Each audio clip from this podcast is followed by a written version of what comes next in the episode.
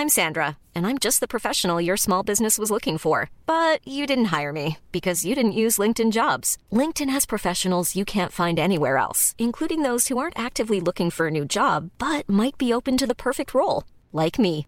In a given month, over 70% of LinkedIn users don't visit other leading job sites. So if you're not looking on LinkedIn, you'll miss out on great candidates like Sandra. Start hiring professionals like a professional. Post your free job on linkedin.com/people today. Mom deserves the best, and there's no better place to shop for Mother's Day than Whole Foods Market. They're your destination for unbeatable savings, from premium gifts to show-stopping flowers and irresistible desserts. Start by saving 33% with Prime on all body care and candles. Then get a 15-stem bunch of tulips for just $9.99 each with Prime. Round out Mom's menu with festive rosé, irresistible berry chantilly cake, and more special treats. Come celebrate Mother's Day at Whole Foods Market. Since 2013, Bombas has donated over 100 million socks, underwear, and t shirts to those facing homelessness. If we counted those on air, this ad would last over 1,157 days. But if we counted the time it takes to make a donation possible, it would take just a few clicks. Because every time you make a purchase, Bombas donates an item to someone who needs it. Go to bombas.com slash ACAST and use code ACAST for 20% off your first purchase. That's bombas.com slash ACAST, code ACAST. Der.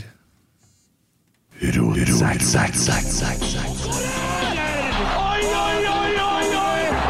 Vegard Heggen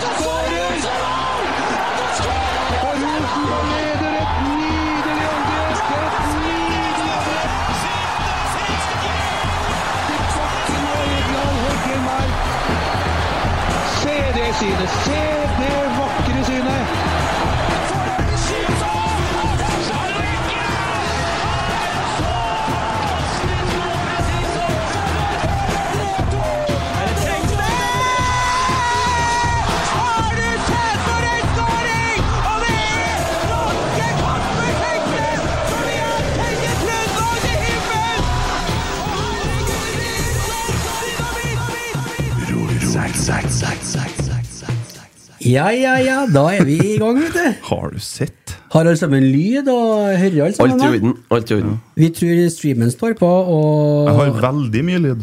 Det er veldig mye lyd, ja. Skal vi se her, da. Dere skal få litt mindre sånn. Takk skal du ha. Nei, det var, jo, det var du. Det var meg, ja. Jeg skudde opp deg i sted. Jeg trodde jeg bytta plass nå, vet du.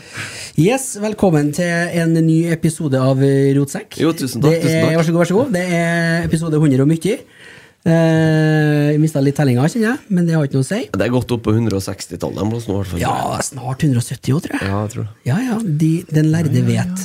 Hvordan er det med oss, gutta? Du, jeg har det bare bra. Ja. Litt eh, dårlig i ryggen. Har ikke jeg spurt deg, ikke da, men, men Å nei, jeg bare tok ordet, jeg, men ja, Jeg skulle å spørre Christer først. Ja. Ja. Ehm, du, jeg har fått en etterlengta pinnekjøttmiddag i dag, så jeg er veldig fornøyd. Okay. Jeg, ja, det er ti av ti. Det, gjør du, det var det, ja? Ja. Kokkelert sjøl, eller? Ja. Kokkelert Det, sjøl. det var ikke noe tull, det? Nei, fruen lager rødkorn, ellers så gjør jeg resten. Ja. Så det var helt eh, ja. nydelig. ja. Men hun, du gjør resten, ja. Men hun gjør alt det andre, sikkert dekker på Eh, nei, jeg tar oppvasken nå. Du gjør det òg, ja? Ja, faktisk. Steike Ja. Skal vi se. For en mann. 2023? Jeg jeg var ute en tur i går, vet du, så jeg lå Å, ja, litt, ja, ja, riktig, litt etter da. Bra uke, da? Ja. Veldig bra uke, egentlig. Det begynner å komme litt sånn sykdom og sånn inn i heimen igjen, oh. Selvfølgelig. Det sniker jo seg inn nå. Ja. Så det lukter jo en sånn eh, sykt barnehage i morgen. En runde? Ja, det gjør det. Så det var ikke noen særlig form på hun da jeg dro, i hvert fall. Nei. Nei, men sånn er det. Så vi får se. Ja. Emil, Ja, takk som spør. Nei eh, Har du vondt i ryggen? Ja, vondt i ryggen. akkurat, ja. Skal på MR i morgen tidlig klokka fem på sju. Og såpass, ja. Ja. Så da bare Må være privat næringsliv du skal Det, det er privat næringsliv jeg skal ta MR, ja. Ja. ja. Innleid av uh, offentlig. Ja. Nei, ellers er det bra, ja. Det, jeg òg har litt sånn Hvordan, eh, hvordan er det for deg egentlig å gå den veien der, du som er sånn eh, rytmann? Det der eh, Er det sånn at du egentlig kan tenke deg å stille deg bakerst i køen igjen, sånn at du får vente en sånn strafferunde til? Ja. Ja. Nei, nei jeg, jeg er jo ikke en eh, Jeg er jo ikke eh, Så prinsippfast er ikke du? Nei, jeg er ikke det. Så det går fint, altså. Ja. Men jeg går ikke og viser fingeren til alle når jeg kommer inn på Aleris der, da. Du gjør det. Ser sint på dem. Ja. de jobber jo offentlig, de òg, vet du. Ja, ja. Aleris er biinntekta deres, det. Ja da, de gjør jo det. Så nei, det går fint, ja. Mm. Ellers så var jeg og henta ut eh, antibiotika til en av ungene i stad, jeg òg. Så det, Har det gående, du òg? det kjøret går. Det gjør det, altså. Det er noe med det. Det, det er noe med det. Enn du da, Emil Eide Eriksen? Tenker du på eiendomsbaronen? det? Ja, mogul. Nå- er mogul, ja. ja. Nei, nei nå, nå sitter jeg Nå står jeg i det, faktisk. Nå er det mye. nå er det tidlig og sent. Drar Fær å hente byggskum og låne hit og dit og Hva jeg fant ut, eh, eller hva vi fant ut, Christer, at eh, det tar alltid lengre tid enn hva han tror. Det gjør det. Å pusse opp. Skulle bare tette igjen en vegg og ei dør. Sendte meg en melding klokka ni i går kveld. Har du en boks byggskum? Sånn. Tilfeldigvis. Men jeg sendte tre stykker, da. Alle sammen hatt. Ja, ja. Det, det er sant som jeg sier. Ja, det er bra. Ja, ja. Gode venner. Ja, det skal jeg si. Nei, men døra er tett inn, så nå er vi klar for første leietager i, i morgen, og så neste om ei uke. Så det skal da bli kjør i uka her òg, tenker jeg. Og uka etterpå skal vi flytte ut uh, huset vi flytta fra. Ja. Men da, etter det, er det bedre nok. Kan sommeren bare komme? Da skal jeg på MR, sikkert. så det Yes, fikk det riktig knapp på, vet du. Ja da, vi skal, vi skal Eller jeg skal ta oss litt videre. Eh, først kan jeg jo si at sendinga inneholder reklame. Og med det så tar jeg meg en Pepsi Max. Men den inneholder også mer reklame, men det kommer vel tilbake til. Eh, noen som ikke er reklame, skal jeg til å si det. Du, Ola, velkommen. Tusen takk for det. For eh, andre gang på Ikke på rad, men jo, jo, for deg blir jo det. Ja, jeg bruker å være en gang i året. Her, Ja. med. Det er jo en Ja, tradisjon nå. Og så kommer du standsmessig kledd, ser jeg. Ja. Jeg er imponert. Jo, jo. Original Rotex-T-skjorte. Skal du ha rotsekkbunad, så må du ha den på. Ja. Hvordan har uka di vært? Den har vært eh, veldig ok, men nå er hodet mitt over på en ny uke. Søndag bruker jeg liksom å være planleggingsdag for den uka som kommer. Så, eh, men eh, da var det helt grei uke. Ja. Noe å henge fingrene i. Er det mye å gjøre på jobben? Ja. Da, ja, for du har litt å henge fingrene i der. Ja, det er litt å henge fingrene i. Og så er det sånn at når du starter opp over jul, så er det, nå er det mye politiske saker som skal inn. Ganske store saker, og da må vi være må vi ha gjort ordentlig arbeid. Skjerpet. Skjerpet. Always. Men du trives med det? Ja da, Ja. det gjør jeg. Det er jo ingen jobber hvor du er, går jublende ut døra hver eneste dag, men det er jo summen av dagene som teller. Mm. Og så er det fint å holde på med noe som opplever faktisk er ordentlig meningsfylt. Trivelig. Ett år siden sist, ja. Du er jo du er faktisk vikar i dag, da. Ja, Har du fått beskjed om?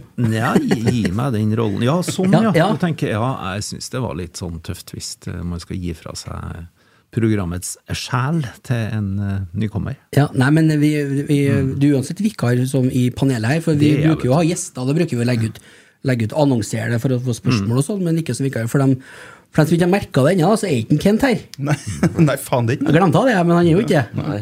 Så han er- ligger jo i solseng på GC på Granka med en eh, Marius Dahl og, og slikker litt sol.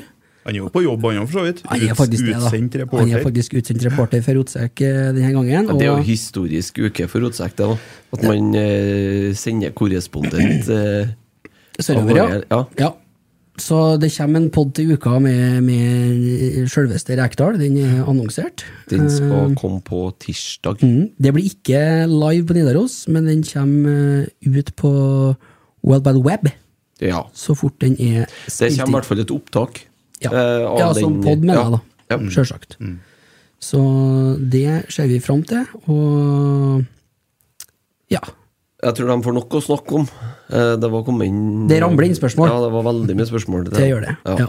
Det er jo mye eh, Veldig mye sånn overgangsnyheter, og det er jo litt silly season nå, som det heter. Skal vi snakke litt mer om etterpå, Ja, vi må vel innom det. kanskje?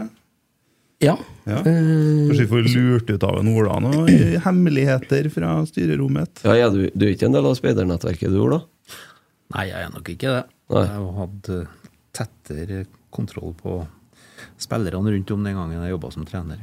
Men hvor, hvor mye er dere i styret altså, Kan vi ta Tingstedt-overgangen, da? Altså, hvor, Når blir dere kobla på? Hvor aktivt inn i prosessen? Nei, styr, det er en såpass stor sak at styret må jo kobles på. Men ellers er det administrasjonen som tar de oppgavene. Vi har jo sportsdirektør, og vi har jo trenerteam, og vi har jo administrasjon. Så styret skal holde seg unna det løpende i utgangspunktet. Men eh, store prinsipielle beslutninger er jo viktig at eh, de som eventuelt må stå til ansvar hvis ting ikke går sånn som det skal gå, må være med på.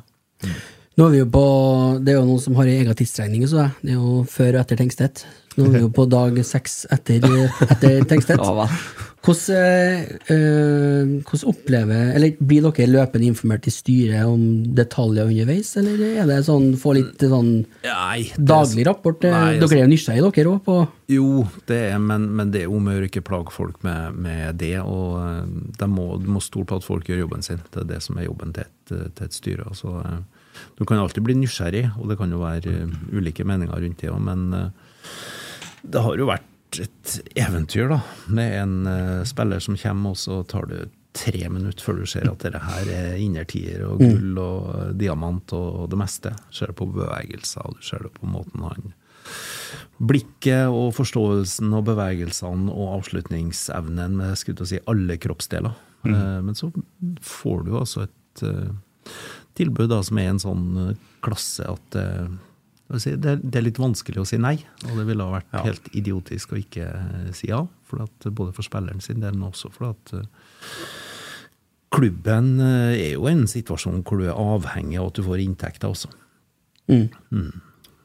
Ja, hvor, eh, hvor avhengig er altså, det, er jo, det er jo fornuftig, mener jeg, i hvert fall av det salget man har gjort. Og det er jo noen Mm. har jo ønska at den skulle være lenger. Eller det har vel alle ønska. Alle Så det er sikkert noen som ville ha sagt at nei, ikke selg den, for da selger man eh, en potensiell mulighet til å være med i gullkampen i, i kommende sesong og sånn. Men altså, når budene blir så store, så må man jo eh, egentlig bare si ja. Mm. Og så er det jo en dårlig skjult hemmelighet at det har vært stramt økonomisk i tillegg, da. Jo, det er ikke noe, og det er jo bare å lese regnskapene fra de siste årene. Det Den reservekapitalen som var der, den er brukt opp. Ja. Så du er nødt til, å- vi er nødt til å drive den klubben framover på en litt annen måte. Vi kan ikke ta penger hvert år.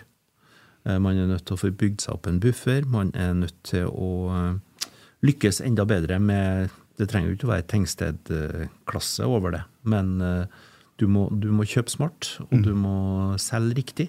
Og så må du ha en fornyelse av laget hele veien, sånn at du ikke blir årelata sportslig. Det er jo kjempeviktig. Så må du slippe til unge spillere, og så må du bli være god på, klubbutvikling. Og der har det skjedd mye positivt, syns jeg, det, det siste året. Mm. Er det når Tengstedt drar eh, så fort når ting jeg har hengt meg opp i, skjønner så ser jeg at eh, i og med at det er litt sånn knapt med ressurser om dagen Han for jo med treningsbag og treningsklær. Har dere en ordning for å få sendt det tilbake, eller? Veldig, veldig usikker. For Hvis ikke de har kontroll på de detaljene der, tenker jeg, så sklir det fort ut i alle Ja, Jeg ser Renzo får bli tatt bilde av noen RBK-klær eh, i Sør-Amerika òg. Eh, Jeg leste noe sånt toppen på Smålighet på Twitter her for et par dager siden. og noen som krevde regning for et draktsett etter at de hadde solgt en spiller. Så det, nei, vi, jeg tror ikke vi er så lavt. Nei.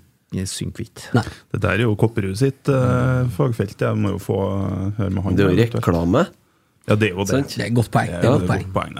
Er jo Men jeg skjønner jo frustrasjonen, for det at når du får en, en så fantastisk målskårer som bøtter inn mål, så er det klart at det er jo, du har jo lyst til å beholde den. Fin fyr og, og en kjempegod spiller, men det er jo noe med det at Rosenborg også må være en klubb som spillerne ser at det er mulig å komme seg videre fra.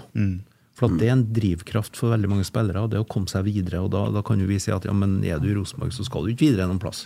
Nei, det er noen av oss som har vært hele livet i, i Rosenborg. Men det er, når du får folk utafra, så vil de ha en ambisjon stadig om å, å ta nye utfordringer, nye steg. Jeg skulle til å si nye lønnsnivå, men eh, liga som er rangert høyere og enda mer oppmerksomhet ut i den store verden. Så det er jo en mulighet som de har, og da, da skal du, du skal stimulere den lysten til folk til å komme til Rosenborg for å være med og bidra der, og lykkes der. Så må du samtidig ha en kjerne av lokale spillere som, som virkelig føler at de er hjemme. Så det er en balansegang, det der, men det må være sånn at det er attraktivt å ønske seg til Rosenborg. For sånn var det for i den perioden som eh, jeg fikk lov å være med på. Ja. Altså. Mm. Og så er det vel det Jeg vet ikke om det var det da, men vi, det er vel en erkjennelse i dag at vi er en sånn type klubb òg. Mm. Slags springbettklubb ut eh, for dem som må tenke seg videre. Ja da, men da, da må du se på Vi må bli enda flinkere enn det vi har vært til å kjøpe de riktige spillerne til den riktige prisen på det riktige tidspunktet, og sende dem videre på, til riktig pris på riktig tidspunkt. Så det her blir en, en, en struktur i det som gjør at ikke laget raser sammen når du, når du selger spillere òg. Så du må hele tida ligge litt i forkant, og det er selvfølgelig kjempevanskelig, for det, det går litt på marginer, det går litt på flaks. Men da har vi jo dyktige folk, og det er veldig viktig at de lykkes i den jobben der. Ja. Så er det en kjempestatement av Rosenborg, da, sånn at, eh, også i markedet vi er i, at, at uh, Bodø-Glimt og Molde ikke får etablert seg som klubbene i Norge, som er de beste klubbene for å, å ja, komme seg videre, da. Ja, Den og som så, ønsker det. Jeg hørte jo dere snakka om det sist òg, men det her er jo en eh, Vi har jo ikke spilt i Europa. Og så Nei. selger vi en spiller for eh, 100 pluss Ja. eh, uten Europa. Og det er jo, sier jo litt om Rosenborg sitt eh, navn eh, ut i, på kontinentet. ja, det er jo, sier det jo en del om spilleren òg. Ja, ikke minst. Så, men hvordan tenker er dere med å legge på en måte føringer og rammer for eh, hvem som skal inn, eller ikke hvem som skal inn, men hvor mye eh, man får bruk på, på erstatt? Ja, altså, hvor mye får man reinvestere? hvor mye skal Ja, det, det må det tas stilling til. så det er, Vi har jo styremøte i uka som kommer nå, vi. Eh, Men det er hele tida en løpende dialog med administrasjon. Og, og den sportslige ledelsen som har som jobb å håndtere det her. Men rammene, dem er det viktig at du, at du legger. Så det er jo ikke sånn at når du får inn en sum som er ganske stor, i millioner, så kan du liksom ikke bruke alle pengene på en ny spiller. Dette her gir jo som mulighet for å dekke opp noe som ellers ville ha vært svært vanskelig å dekke opp. Men samtidig så har du, og vi trenger også penger, litt penger på bok, for å kunne stå seg mot det, det som kommer. Men så må du selvfølgelig òg sørge for at du har et lag som er godt. Mm. jeg syns at den spillerutviklingsdimensjonen har vært veldig positivt nå. Nå er vi på, en, på et riktig spor, da. ja. Og så må vi være såpass ærlige og si at mm, for å holde for ørene, eh, i hvert fall Emil på hjørnet, som- men at Bodø-Glimt og Molde har vært ganske flinke tidligere til å kjøpe riktig og selge riktig for å få butikken til å gå godt rundt. Ja, det har de. Ja, ja, ja for, for all del. Altså, Molde har jevnt over de siste ti årene vært det beste, Ja, mm, beste klubben på spillelogistikk. Eh, så så det, det er nå bare Det viser jo tallene. Men Bodø-Glimt kjøper jo alt tilbake igjen. Ja, de så jeg vet ikke om de, eh, Det er jo en annen strategi igjen, og den er jeg jo veldig spent på. ja, Det er jeg òg. Veldig spent. Den er litt mer kortsiktig, den virker det som, enn det Rosenborg og Molde gjør. da. Ja, og, men, men jeg tror at vi, vi skal velge vår egen måte å gjøre ting på. Ja. Og så er det om å gjøre å få spille i Europa. Spillerne må få øvd seg i Europa, må få ut og få internasjonal matching. Eh, publikum på Lerkendal eh, lengter etter å se internasjonal fotball igjen, og det er også noe som er viktig at vi gir dem. Ja, nei, Vi har jo snakka en del om det gjennom, egentlig gjennom fjoråret, kanskje høsten og litt sånn inn mot vinteren. At I fjor også ble det jo solgt for veldig mye mer enn det ble kjøpt for. Så du har jo et eh, trenerteam, et sportslig apparat nå, som på en måte har måttet ha solgt veldig mye og fått henta Hatt liten frihet da, på innsida. Fikk jo henta Tengstedt, riktignok, men eh, det er jo stor forskjell på de søylene. Og så eh, Det er jo litt viktig at de får lov å reinvestere nå, sånn at de, altså kan bygge opp et eh, allerede eh, et lag på riktig rett, i, på riktig spor. Sånn at vi kan styrke oss inn mot 2023. Lytte på alle synspunkter her. Men Ja. så- sant, den lagbyggingsbiten må gjøres av dem som er ansatt til å gjøre det. Altså, kjenner jeg at uansett når du følger med lag rundt om, så får du veldig lyst til å Du ser at eh, du har en oppfatning av at noen bør inn der og der, men det er veldig viktig at det er en sånn helhetlig tankegang. Og det er jo også deres jobb å ha kontroll på markedet og potensialet som ligger der. Ja. Og så Samtidig så tenker jeg at det, det er utrolig viktig at vi ikke fyller opp en stall med sånn middels dansker og svensker, ikke noe galt med det, men sånn at vi blokkerer for ungguttene våre. Altså Ungguttene må få sjansen, ikke alle samtidig, for det er, det er ikke fair. men dem som du tror på, må få, også få en del spilletid. Sånn at vi på den måten utvikler vi spillere igjen for å være gode nok til å være i førsteelveren vår, og eventuelt ta steg til et landslag. Eventuelt ut i den store verden. Ja. Som forbilder for andre som skal komme opp og ha lyst til å spille i Rosenborg-drakta. Vi har jo sånn generasjonstalent nå, egentlig. Med en Sverre Nypan. 16 år og eh, har, Hvor mye har du sett han? Altså, er han god nok, tror du, til å være med å prege første, altså, første elver neste år? Jeg, jeg kan ikke si det skråsikkert. Jeg bruker for mye tid på eh, politiske saker og for lite tid ut på treningsfeltet. Jeg er sikker på at dere ser mer treningstid enn meg. Men, eh, men eh, det jeg har sett av en, det er veldig positivt. Altså, han har ei ro over seg til å være så ung. Så han er en svært spennende spiller. Veldig fin spiller. Mm. Veldig bra rapporter fra Gran Canaria på den, i hvert fall nå. Jeg så, Du har vært sett litt der, ja. Jeg så et klipp eh, rett før jeg kom inn ute i bilen her i stad, faktisk. Og han, eh, altså, han, er jo, han er jo best på trening. Av alle. Det, og det er jo det. Jeg hørte jo så vidt eh, Kjetil og Geir snakka om nå på siste innsiden her. At hvis de skulle starta med en elver nå, så har de starta med en Nypan. Og det er ganske tøft. altså. Han ble 16 år for en måned siden. Ja.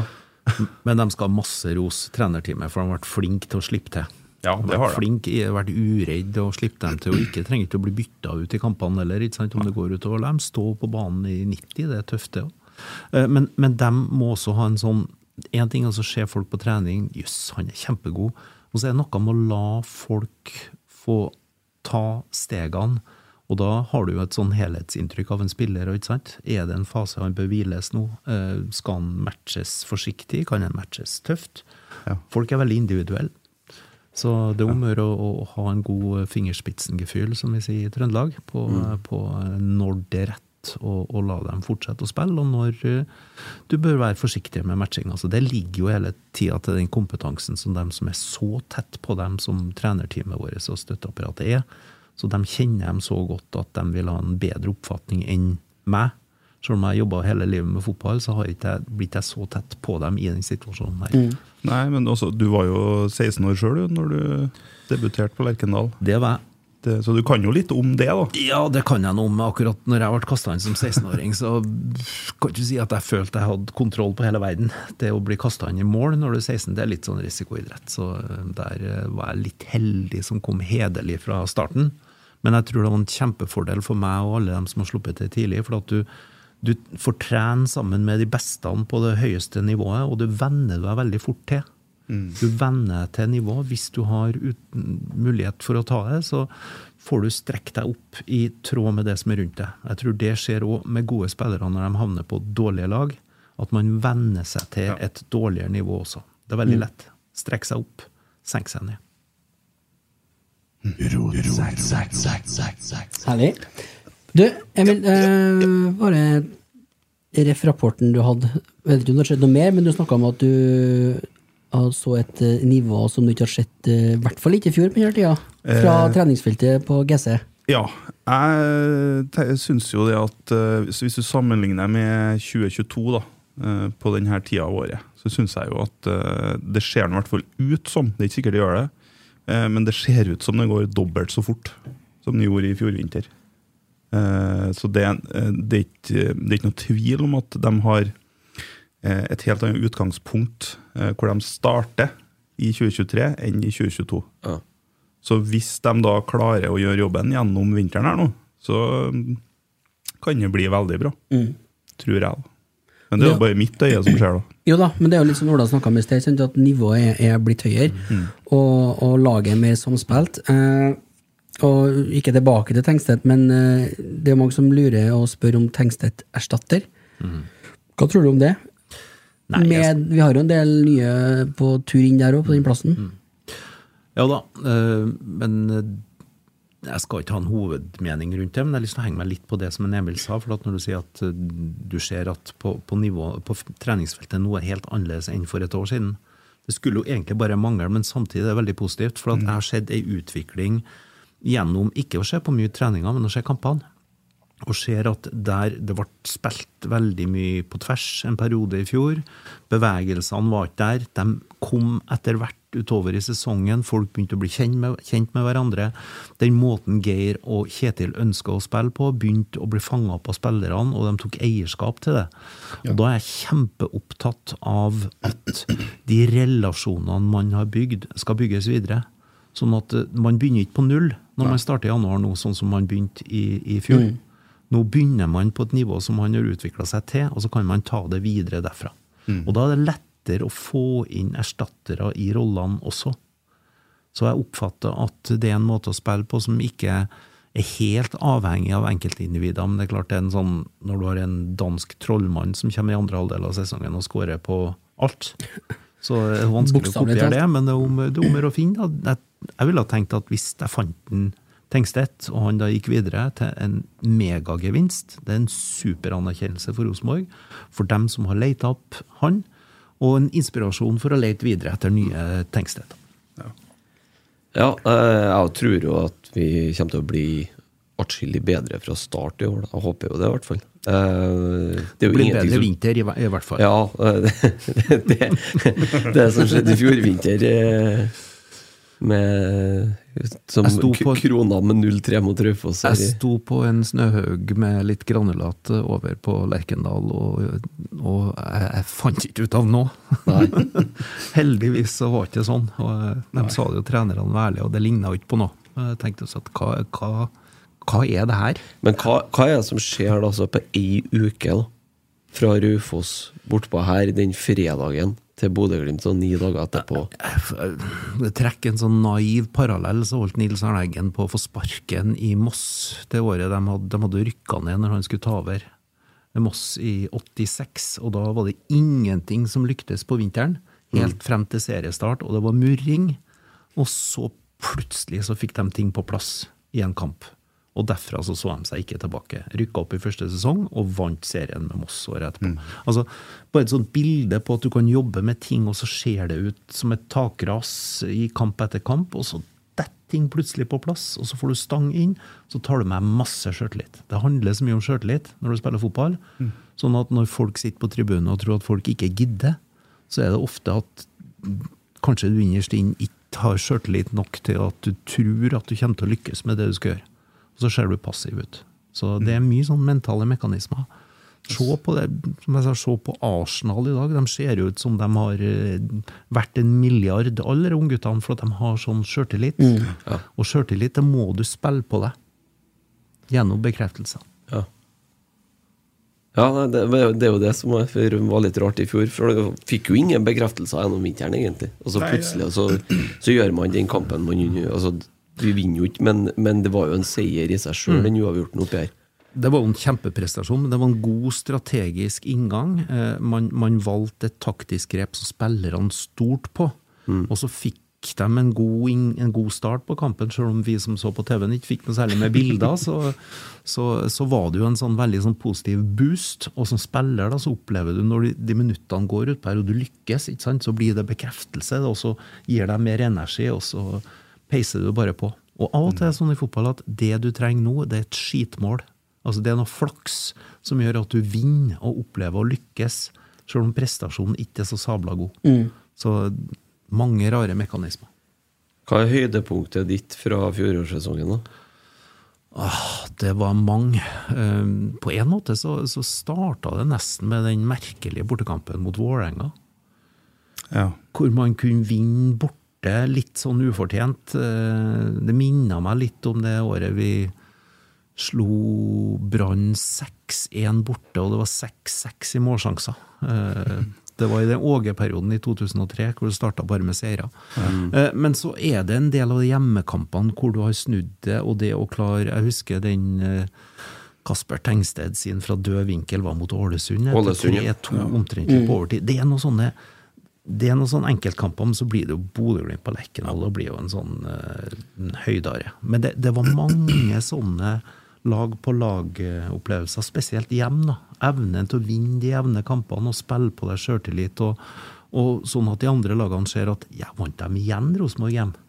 Sant? Og da går du litt inn med den frykten som man gjorde i gamle dager. Dro til Lerkendal og var Du var ikke redd for å tape. Det var ikke det som lå lengst bak i ryggmargen. Det var det å bli totalt avkledd. Altså det å tape 6-0 var det som satt i, i eh, angsten i ryggmargen. Ja, hvordan blir det nå til kommende, da? Så nå hadde vi jo var 11-3-1 hjemme i år. Ja. Røyk i siste der. Ja, røyk i siste. Jeg tror det var 11-3-1 hjemme. Stemmer. Eh, hvordan blir det neste år? Kommer, kommer lagene til å legge seg enda lavere? Blir det som i gamle dager, liksom? Ja, det vet ikke jeg, men det blir en utfordring, det òg. Men jeg, jeg, tror at, øh, jeg tror at gjengen er klar for å ta den utfordringa. Altså. Du har ikke fått noe gratis hjemme i år heller. Når du har vunnet fem hjemmekamper, så blir det tatt på alvor. Så fortsatt er jo Rosenborg Rosenborg. Men det som skjedde i en periode, det var jo at folk slutta å være redd for å komme til Lerkendal. Folk dro til Lerkendal og torde å styre spillet, torde å ta tak i kampen og, og førte kampen. Og det gjorde jo ikke folk tidligere igjen. Så nå er det jo viktig bare å fortsette med den utviklinga. Jeg tror det blir mulig at det blir eh, ikke fullt så sterk hjemmestatistikk, men jeg håper at den smitter over på en bortestatistikk som blir sterkere, sånn at summen blir enda tappere. Nå har jo altså, Jeg føler jo at uke for uke nå så bygger det seg opp mot uh, seriestart, selvfølgelig. Vi, det kommer ny informasjon, vi, det kommer innsiden uka her. Og vi, vi eh, Ja, det det utvikler seg mens man går. Uh, hva tenker du om 2023, da? For Rosenborg sin del? Nei, jeg ser fram til sesongen. Det, det, du kan ikke legge seg ned og, og skrike fordi om du selger en spiller til eh, borti 100 millioner. Det gir jo masse muligheter til både å forsterke og til å styrke økonomien, og til å Det gir handlingsrom. handlingsrom. Eh, og så var det jo en, en sesong som spillerne bygde sjøltillit på, og det er også en annen måte å spille på som, eh, som eh, ikke er heleggensk, men som etter hvert har veldig mye mer framdrift i seg. Så mange flere eh, altså både bevegelser framover, pasningsspillet gikk raskere fremover, færre touch, kombinasjonene satt mer, hurtigere pasningsspill, bedre kontringsspill. Så det var mye som, som utvikla seg gjennom sesongen. Så det, jeg ser lyst på den sesongen som, som venter oss nå. Jeg tror at uh, spillerne og trenerteamet har blitt veldig trygge på hverandre. Og da hender det at det bare slår positivt ut om du får noen nye ansikt inn i garderoben også. Så lenge du beholder den stammen som nå har hatt ett års opplæring. Eh, Geir og Kjetil er veldig flinke på feltet. Han Roar er der og vil ta en viktig rolle inn i gruppa med sin erfaring og kompetanse. Så det Jeg ser positivt på det her. Og det jo, du så jo at det var et lag som var godt trent. Det vistes utover sesongen. Så jeg bruker jo å si at eh, den gamle Rosenborg-kulturen, den var en kombinasjon av en unik treningskultur og en læringskultur. Altså en treningskultur hvor du ga jernet på feltet, og hvor det var spillere som sto kampene, og som sprang mer enn de andre, men på en riktigere måte også. Og så var det en kultur for å lære å forstå hverandre, eh, bygge på hverandres styrker, ha et system som du var trygg på, som du kunne ha som ei ramme, men du kunne improvisere ut fra den ramma når det var behov for det. Så, og Der har Bodø-Glimt vært flinkest i klassen de siste Ja. årene med å ha en læringskultur hvor de hadde tatt med seg mye Rosenborg. Og to kapteiner, eh, prat etter scoring f.eks. Eh, det har jo skjedd en del i både norsk og internasjonal fotball, for å si det veldig veldig forsiktig. Hvor, det, hvor du utvikler ting. Så du gjør ikke ting på gammelmåten, men du kan ta med noe av det beste for det som, det som var fra en gyllen periode, over i noe nytt, og noe som er bedre. Det er jo det som er utvikling. Men, men tror du Altså, neste år nå blir det Det er jo tre lag som utkrystalliserer seg egentlig på forhånd. Ja. Det er jo vi, Molde og Bodø-Glimt. Mm. Som var topp tre i fjor, og som eh, egentlig Ja, vi har jo solgt en Tengstedt nå, for så vidt. Molde solgte jo for Fana. Eh, det er jo en del Vi har jo ikke hatt så mye eh, inn og ut, eh, kanskje, som spesielt da Bodø-Glimt har hatt bra gjennomtrekk i. Men tror du det blir de tre som blir toppen i, i år òg, eller er det noen som Hvis jeg får lov til å vente og svare til dagen før seriestart, Ja, så tror jeg jeg ville ha følt meg litt tryggere når lagene har vært gjennom treningskampene når den silly season-åpninga her er over, for at plutselig så skjer det overganger som endrer på ting. Og så må vi huske på at helt i første eh, tredel av sesongen i fjor, da drev vi og snakka om Jeg snakka i hvert fall om at det var fire lag. Det var nesten fem. For da var Lillestrøm og Vålerenga opp der òg, før de datt av. Så eh, nå er jo Lillestrøm har mista noen, noen nøkkelfolk, men hvis de klarer å bygge videre på sitt eh, Det er litt, litt tidlig å si, men jeg blir veldig overraska hvis ikke Rosenborg, Molde og Bodø-Glimt er tre som er helt opp der. Så vi får se hva det Altså Fofana, det å miste han for Molde, det er jo ikke noe særlig. Eh, så Du vet jo ikke om den kjøpe, lille kjøpefesten som Bodø-Glimt har hatt nå, hvordan det slår ut òg, for at de skal jo sette sammen de spillerne òg. Så eh, det blir spennende. Men den vinteren nå, og dere kommer til å se så mye trening at dere kommer til å være stappfulle av informasjon. Og vet like mye som den trenerteamet vet du, når serien drar seg i gang her. Ja, for jeg blir litt nysgjerrig når du snakker om den kjøpefesten som er i Bodø. Jeg stusser jo litt når de henter hjem Fredrik Bjørkan. Og eh, det går jo noen rykter om lønningsposen der. Den var jo ikke akkurat liten. Og så går det et kvarter, og så kjøper man en venstreback fra Danmark for 10 millioner. Det, da, det er noe som eh, altså, Holder man da på å endre en slags filosofi? Altså, Holder man på å skal bygge seg to lag og ha ett lag til, til det og ett lag til det? Men eh, Det er helt håpløst å si. Ja. Altså, Det kan jo være at Bjørkan er henta hjem fordi at man har tenkt å selge den igjen. For at det er en eh, Etter eh, vårsesongen Det vet man jo ikke. Altså, det kan jo ligge noen planer her. Eh, men, men det som er en, et sånn tankekors, det er at de henter hjem tidligere Glimt-spillere som har vært ute i verden, eh, og spørsmålet om du får dem igjen sulten og, og med et brennende ønske om å lykkes. Mm. Det er jo det man ikke vet. Og så er det det dere nevner om spillerlønninger. Det er jo, hvis man er i en sånn situasjon at man begynner å flytte spillerlønningene opp, så blir det en utfordring. Eh, Og det har de gjort. Ja, men det, Ja, da, den jeg hører- hadde jo vi òg for noen år siden. Ja, da da hører jeg rykter om det, og det som du sier, det er klart at er spillerlønningene så høye at du havner på minus fordi at utgifter, du får ikke inntektene som matcher utgiftene, ja, da må du skalere ned på de spillerlønningene. Da må du selge noen spillere som er høytlønna, og få opp noen som er lave lønna. Og, altså, det der er jo Det må jo gå rundt et fotballag òg, økonomisk. Ja. de må i hvert fall komme til Europa, Bodø-Glimt. Jeg tror, jeg tror eh, mer eller mindre lista ligger på et minimum gruppespill nå. Sånn Ja, det drives jeg økonomisk. Jeg kan ikke forstå noe annet. Men uh, Men uh, rett skal være rett, Bodø-Glimt har gjort mye som har vært, vært rett. Så, sånn at det å tro at de har gjort noe som er kjempedumt, det, det er jo ingen grunn til å si. For det Nei vise viser seg sånn. Det er lov å håpe. ja. Jeg, jeg, jeg, jeg, jeg, klar, jeg, klarer, jeg klarer ikke å få en sånn hattkultur til, til Bodø-Glimt, men det er sikkert fordi jeg, jeg opplevde Nei, det klarer jeg ikke heller. Jeg begynner bare, å bli lei. Ja, det er samme her. Men du kan tenke, dere kan tenke dere hvor lei folk var av Rosenborg en periode. Ja, det Som ikke satt på Lerkendal eller ikke var trøndere. De, de var lei Rosenborg. dem. 13 på rad, det er det. Ja, den er sikkert altså. tung. Altså. Ja. Men hvordan eh, tror du altså Den økonomibiten som vi snakker litt om nå eh, Nå var jo han Molde-direktøren ute her i forrige uke og Mm. kritiserte eh, egentlig dem som en skulle kjøpe spillere av. Fordi at de skrur opp, eh, skrur opp prisene når de kommer med, med pengeboka. Mm. Ja. Er vi på vei inn i en sånn ny gullalder nå, tror du? Vet ikke. Vi har uh, møtt jo det den gangen uh, Rosenborg òg. Det var én pris for de andre og én pris for Rosenborg. Og den for Rosenborg det var ikke akkurat lav pris, om vi sier sånn.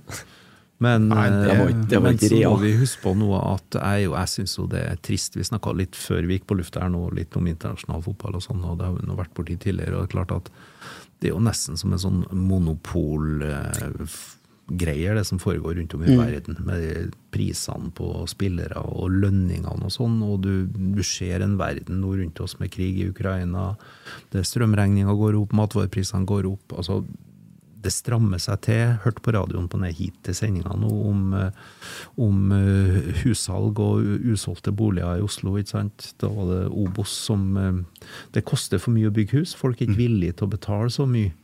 Sånn at vi er jo inne i en periode Vi har jo vært helt opp samfunnsøkonomisk på toppen, og det tror jeg gjelder også for mye i Europa.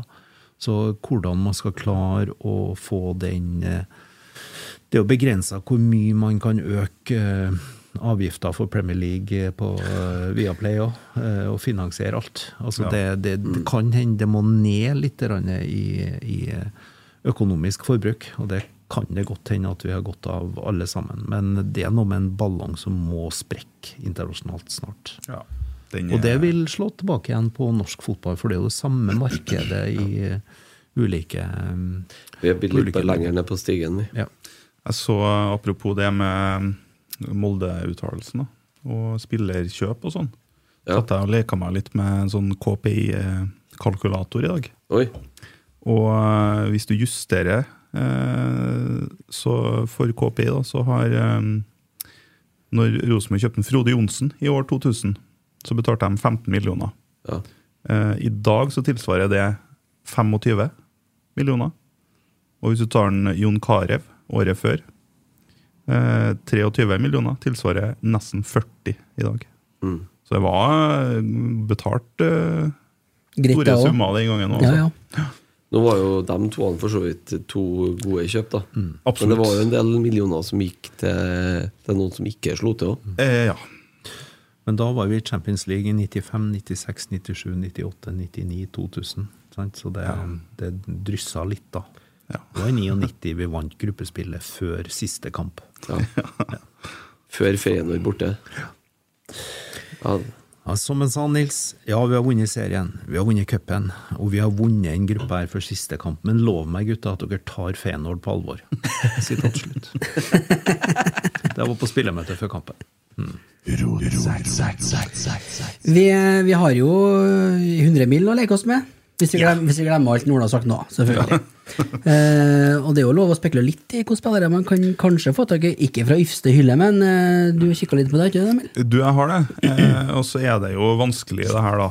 Eh, for det er jo mye rykter, og så er det, kjenner jo ikke vi eh, omstendighetene i det hele tatt. Vi er jo, står jo på utsida. Det er maks ryktebasert der, ja. Det, Det det er er sikkert. f- 100 basert på rykter og løse spekulasjoner. hvem, hvem blir det ikke? Kan du komme med noen navn? Eh, han er eh, Mohammed Salah. Blir det ikke. Ja, blir Akkurat, ikke. ja. Da stryker jeg han for lista mi, i hvert fall. Ja. Men kan jo finne seg en ny klubb snart, sikkert. Ja, jeg er for gammel, vet du. Det blir vel noe Ja. Nei, samme det. Eh, det er jo ett navn da som eh, jeg har veldig lyst på til Rosenborg, men det spørs om den blir for dyr. Det er jo en August Mikkelsen. Ja. Han snakka jo vi litt om eh, før sending her òg. Hvordan gikk det? Kom ikke et bud på han på forrige sending vi hadde? Hamarby bud, bud på han Ja. Newcastle-mann. Ble det ikke noe av det, Ti millioner, tror jeg det var. Jeg, tror- jeg tror fort må doble den, ja, faktisk. Mhm. ja, hvis, eh, For han har jo fortsatt eh, to og et halvt år igjen av kontrakten. Uh, og uh, hvis Hamarby får litt penger for den uh, Berisha nå, Ja, det får de jo. så kan jo hende at prisen på Mikkelsen går litt opp òg. Det fungerer jo sånn. Ja ja, hvis Hamarby skal kjøpe den, ja. Ja. ja. Eh, så jeg vet ikke. Jeg, jeg lurer på om han blir for dyr. Eh, en annen en som jeg òg tror blir for dyr, men som jeg veldig gjerne kunne tenkt meg til Rosenborg, det er han Gift Orban i Stabæk. Ville jo vært en gave. Fyrk. Ja. Be beklager. Ja. Han er jo to år yngre enn Mikkelsen òg, men han har igjen fire år av kontrakten. Ja. Ifølge Transfermarkt så er han Han verdt kommer til å eh, bli fryktelig dyr, vet du. Som er- ja, og. Hva, hva har han levert han? en halv sesong i Obos? Ja, noe sånt. Ja. Eh, Men du, han er han er også sånn, litt sånn som en Tengstedt. Du ser det på han, at det, han er god. Det er mye fotball i han. Han har det. Han har det, ja. Men han er ung, da. Så, og så er det jo en danske i Brøndby som har snakka om. Ja, Kvist han kikka litt på, faktisk. Ja. Hva, Han ser jo spennende ut, han, ja. ja. Han er jo U21-landslagsspiller ja på Danmark. Det spørsmålet er hvor dyr blir han? Blir jo sikkert Han blir dyr. Han, ja. Ifølge Transfermark da, så er han eh, verdt ca. 22 norske. Eh, og da kan du jo sikkert eh, doble den. Ja. Ola, Det- Ola noterer du? Jeg er imponert. Jeg er imponert jeg, på det kunnskap, basiskunnskapen deres nå, synes jeg. en, så er det en svenske altså, Ja. Jeg har sett, i hvert fall. Oskar Petterson, Brommapojkarna. Ja, ja. Født i 2000. Eh, han er jo billigere, da, virker det som. Eh, han har eh, bare ett år igjen av kontrakten nå. ja, det Eh, har levert for eh, Brommapoikerne. 15 mål på 30 kamper. Eh, men han, sånn som jeg forstår det, så er vel han mer en ving enn en spiss. Ja, det tror jeg var litt sånn Og hvor skal vi bruke den da? I en 3-5-2? Yes. Jeg tror ikke han er noe back, da, for å si det sånn. Nei, nei. Ja. Eh, og så har jeg en joker til slutt. da. Ja. Det er en eh, som allerede bor i byen. Som heter for Markus Menert. Å ja. ja Ranheim, ja. Ja, Ta en sånn Ole Sæter eh, Menert, Menert og Sæter på topp, da. Ja, Han er jo litt eldre han Menert. Han eh, blir 26 i år. Ja. Eh, Ole blir 27, han. Ja, Men han, altså, da, Primetime, vet jeg. det er ikke mye risiko i et sånt kjøp, da, i hvert fall. Ola, jeg vet ikke om du kjenner til en Menert? Du har jo vært litt inne i Jeg gjør det. Jeg gjør det. Så det har eh, koll på han. Så det Han, han var jo god i fjor. Hva tenker du om eh, Kåre til Ranheim, da, Ola? Så det var eh, kjempeartig. Det, det tror jeg blir veldig bra. Kåre kjenner jo den veldig trygg på den måten å spille på, da, som Ranheim er vant til å spille på fra sånn, måten de spilte på fra tidligere. Så det tror jeg blir veldig bra. Jeg trodde jo Åge ble veldig bra i Rosenborg, da, så det, Jo da. Ja, det trodde vi jeg må si Det at det var den store, store overraskelsen. Jeg klør meg fortsatt litt i hodet på at det gikk så Sånn det gikk. ikke gikk sånn som man tenkte det skulle gå, egentlig. Så, men, eh, men jeg tror Kåre i Ranheim tror jeg blir bra. Ranheim blir litt Ranheim igjen. Ja, jeg tror Ranheim er litt avhengig av å De er tufta på, eh, på en eh, gammel Rosenborg-måte å tenke på, men det er også en sånn rekruttering. De er veldig flinke på å kartlegge spillere i Trøndelag. Eh, se etter talenter, se de talentene som er der. Se hvem det er som kanskje ikke vil eh, klare seg i førsteelveren til Rosenborg, og som kan være aktuell å spille i Ranheim. og eventuelt få løfta, eh, løfta seg et hakk igjen. Så de har vært veldig flinke på, på rekruttering over, over lang tid. Og så har de også vært flinke på det samme som jeg syns Bodø-Glimt har vært flink til. Og det er å hente spillere i roller. Altså spesialsydd til roller. Så de, det er ikke sånn du henter ikke en god spiller og tenker nei, hvor i all verden skal vi bruke den? Mm. Det er gjennomtenkt før du vurderer å hente den. For å, ikke for å Ikke, ikke for å, for å, for å. Men den eh, for eh, nye spillere. Trenger vi nye spillere? Eller trenger vi en ny spiss? Det er jo et siste alternativ her, da. Ikke kjøp. vi har jo en fire-fem spisser i troppen. Vi må Litt ikke avhengig av Sæter, kanskje? Litt avhengig av han, og så litt avhengig av hva du definerer dem som. Dem som er der. Men vi har jo en Isak, vi har en Ole Sæter, vi har en Vekkia, vi har en Ingasson, vi har en Holte. Ja. Jeg har glemt noen, da. Videsheim Pål. Videsheim Pål. Ja. Så vi har jo faktisk seks spisser. Ja, altså Spørsmålet er jo hvor er den beste posisjonen til en Ingasson? Hvor er den beste posisjonen til en Thorvaldsson? Ja, Det har jo vært snakk om at de kan være indreløpere òg. Eh, Ja. Er det et alternativ? Altså, Jeg vet ikke om dere så dere det klippet som ble lagt ut nå fra treninga? ja, noe av det, tror Det Han så ikke ut som noen indreløper. han Nei, han ser jo mer ut som en sånn type tankspiss, spør du Han har spist opp middagen sin både Ja. i går og i forgårs. Eh, men eh, det, er jo, det blir jo litt interessant. Så, så er Vekka, da, som er skada Ja. halve sesongen, to sesonger på rad nå. Hvor mye tørs du å stole på det som et førstevalg? Og så eh, Ole Sæter, som bruker like mye tid på journalister som på tren. Så det vet jeg ikke. Det, jeg tror alle har henta en spiss. Videsen Pål tror jeg ikke er i Rosenborg når vi starter sesongen. Nei, det tror ikke jeg heller. Jeg tror ikke Sæter er her heller. da. Ja, Det er jeg mer usikker på. Ja. Det har vært rimelig stilt der det siste uka, to uker nå. Ja, nå er jo ikke klubben pressa opp i et hjørne der man må selge eller lenger. Så. Lurer på, lurer på hva han tenkte når han Tengstedt for noe, om det var litt sånn faen. Ja, det kan godt være det. I hvert fall til den eh, prisen. Ja. Nei, Vi kan jo bare spørre, for vi får jo svar. ja, ja, det er bare å spørre ham. Nei, men har har ikke han skjerpa seg nå? Sa. Ja, det har vært stilt i det Ei har, uke. har, Men var ikke det I intervjuet uke har det vært stilt. Ja, var ikke et intervjuet hvor han sa at det, Ja, Klubben må gå i seg sjøl, var jo siste han. Nei, jeg skulle ta det, internt. Ja, det er det, ja. Og sånn det. Ja, ja, det Ja, riktig. Tenk Jeg jeg tok, opp tok det eh, jo eksternt i samme intervjuet, men, men eh, det er jo fint. Det, altså, det, det har vært stilt nå, men det, det skjedde jo noe om tirsdagen. Ikke sant? Mm. Kom jo en klubb fra Portugal og klaska 120-30 millioner i en pakke for den andre spissen. Mm. Så det er klart det får jo litt oppmerksomhet, det òg. Ja. Det er ikke så Så han er jo kanskje reddet litt av gongongen der. Hvordan går det med andre eh, storsalget potensielt, da? Hyssing FK? Hyssing FK, ja. Har du koll? Stad Rem. Ja. ja, ja, de spilte 0-0 i dag, de hjemme mot eh, NIS. Ja, den, da, den ligger seg det. har ti poeng. ned til- Ja. De er vel nummer 11 eller 12. 11, tror jeg nå. ja. Og har ti poeng ned til Så dere går veien, vet du. Ja. De har, plukket, de har ikke tapt etter VM-pausen. Nei. Så det bra. ordner seg. Men Noah var skada nå, så. Ute Ja. i fem uker med kneskade. Eller hva. Det har ikke noe å si. Det For bankkontoen til Rosenborg? Ja, men vi må jo håpe at den lykkes. Ja, og jeg var ikke hjemme, nei. Nei. Pardon. Hva er, hva er, hva er med deg? Jeg bør må bare beklage. Iskald? Angrer, jeg bruker Jeg har blitt sånn etter at han kjøpte seg hus. Ja, han har det. At han ble mogul. Ja. Ja, Snart flytter ja, han til ja, ja, ja. Det er lyst her Det, inn neste vi var ferdig med det stikket. Ja. Ja. Oh, ja. Det var mye om det sportslige. Jeg vet ikke, Kanskje vi skal, i og med at nå Ole her, kunne vi snakke litt om det administrative, kanskje?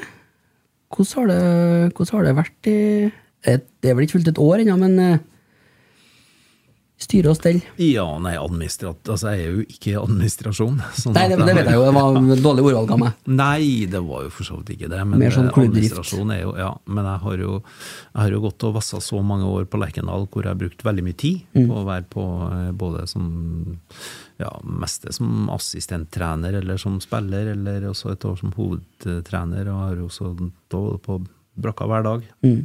Hele tida. Så det er jeg jo ikke nå. Så det å være i styret er en helt annen greie. Du er mye mer på, på sida, og det er mye mer det overordna. Men eh, veldig viktig å få på, få på plass folk som er dyktige. Det var, har vært et år som har vært vanskelig fordi at nøkkelpersoner har slutta samtidig. Så når både Tove og Roar Munkvold slutta nesten samtidig, så er det klart at det er hull som skal fylles opp. Og vi også hadde litt lite folk i en periode, så, men det er i ferd med å ordne seg nå. Så jeg ser veldig lyst på det. Dyktige folk som har kommet inn. Det, det er, og det har mye å si, for eh, det er jo en fusjon som eh, skal gjennomføres helt òg? Med dame- og herrelag, to klubber som slår seg sammen, og som skal funke på en måte som gjør begge bedre. Men det er jo den veien du må gå. Du ser det i Europa. Det er, det er, det er en vinn-vinn-situasjon. Det tror jeg. Mm. Ja, de, Bayern München gjorde noe i uka her. Så, de har i hvert fall blitt gjort oppmerksom på noe. ja, uka her. det var noe med stjernene deres. Ja.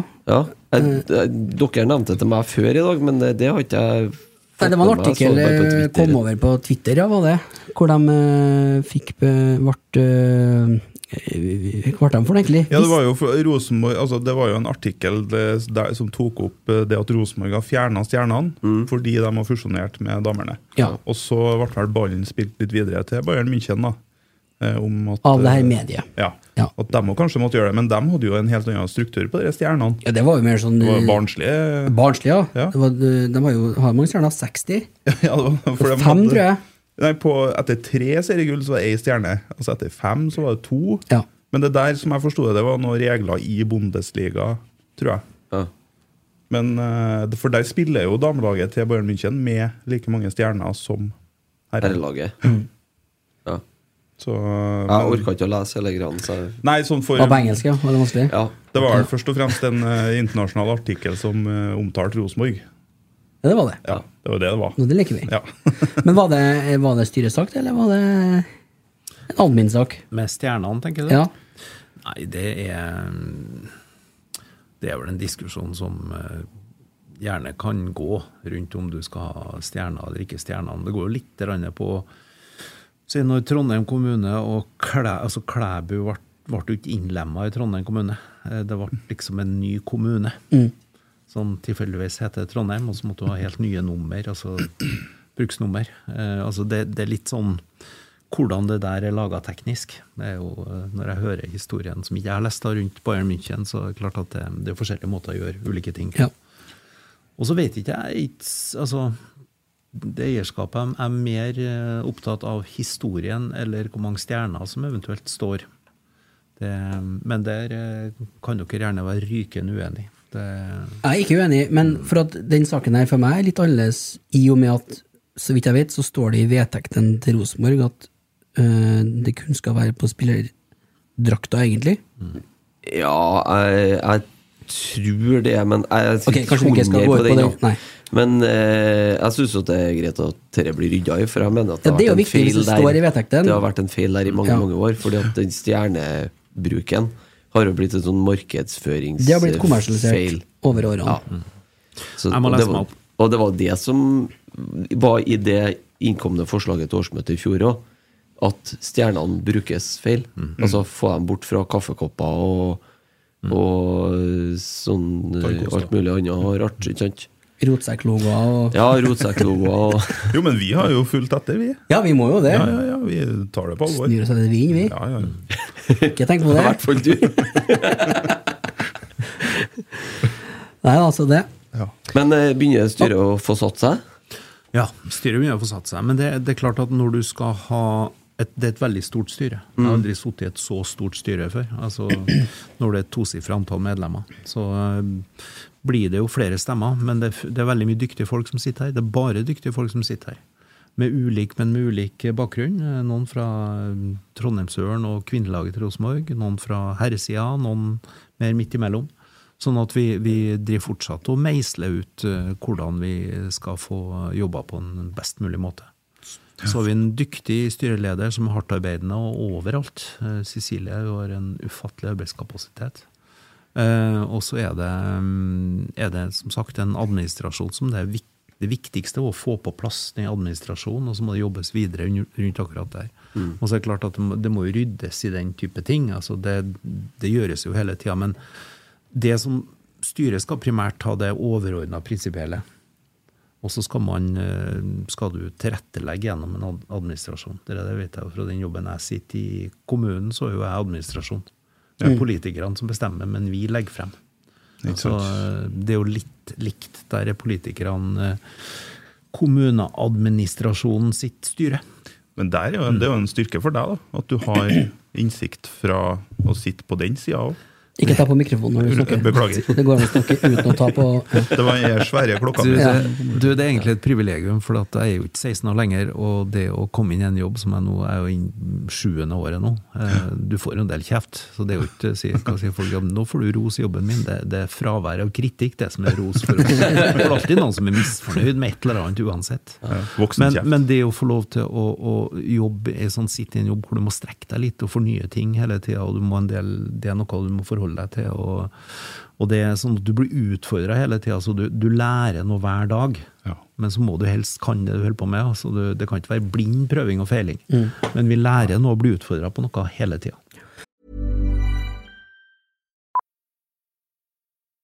Millions of people have lost weight with personalized plans from Noom, like Evan, who can't stand salads and still lost 50 pounds. Salads, generally, for most people, are the easy button, right? For me, that wasn't an option. I never really was a salad guy. That's just not who I am. But Noom worked for me. Get your personalized plan today at Noom.com. Real Noom user compensated to provide their story. In four weeks, the typical Noom user can expect to lose one to two pounds per week. Individual results may vary. A lot can happen in three years, like a chatbot may be your new best friend. But what won't change? Needing health insurance. United Healthcare Tri Term Medical Plans, underwritten by Golden Rule Insurance Company, offer flexible, budget friendly coverage that lasts nearly three years in some states. Learn more at uh1.com. Mom deserves the best, and there's no better place to shop for Mother's Day than Whole Foods Market. They're your destination for unbeatable savings, from premium gifts to show-stopping flowers and irresistible desserts. Start by saving 33% with Prime on all body care and candles. Then get a 15-stem bunch of tulips for just $9.99 each with Prime. Round out Mom's menu with festive rosé, irresistible berry chantilly cake, and more special treats. Come celebrate Mother's Day at Whole Foods Market. Og Grunnen til at styret i Rosenborg er så stort nå, er vel fordi at sammenslåinga er er, sammen, faktum. det er sammenslåinga, og så har vi valgt å ikke altså at varamedlemmene også møter som fullverdige medlemmer. og Det tror jeg er veldig nyttig, for at ellers får du noen som bare har sittet på gangen og vært hjemme i, i, i to måneder, og så plutselig skal hentes inn. Så bruker du like lang tid på å sette folk inn i saker som, eh, som du eh, bruker på selve sakene. Så jeg tror det er en fornuftig måte å gjøre det på. Men jeg tror også at vi kan se litt på intern eh, eh, arbeidsfordeling, eh, sånn at ikke man gjør akkurat det samme. Jeg sier ikke at vi gjør det nå, men det er klart at det å du, du skal jo sørge for at ikke både herre- og damelaget blir middels midt imellom alle sammen. Du skal jo gjøre det til de beste utgavene av altså hvor godt kvinnelag kan vi få med den måten vi må drive det på. Hvor godt herrelag kan vi få, og hvor har vi synergier Mm. imellom? Hvor kan vi ha fellesfunksjoner?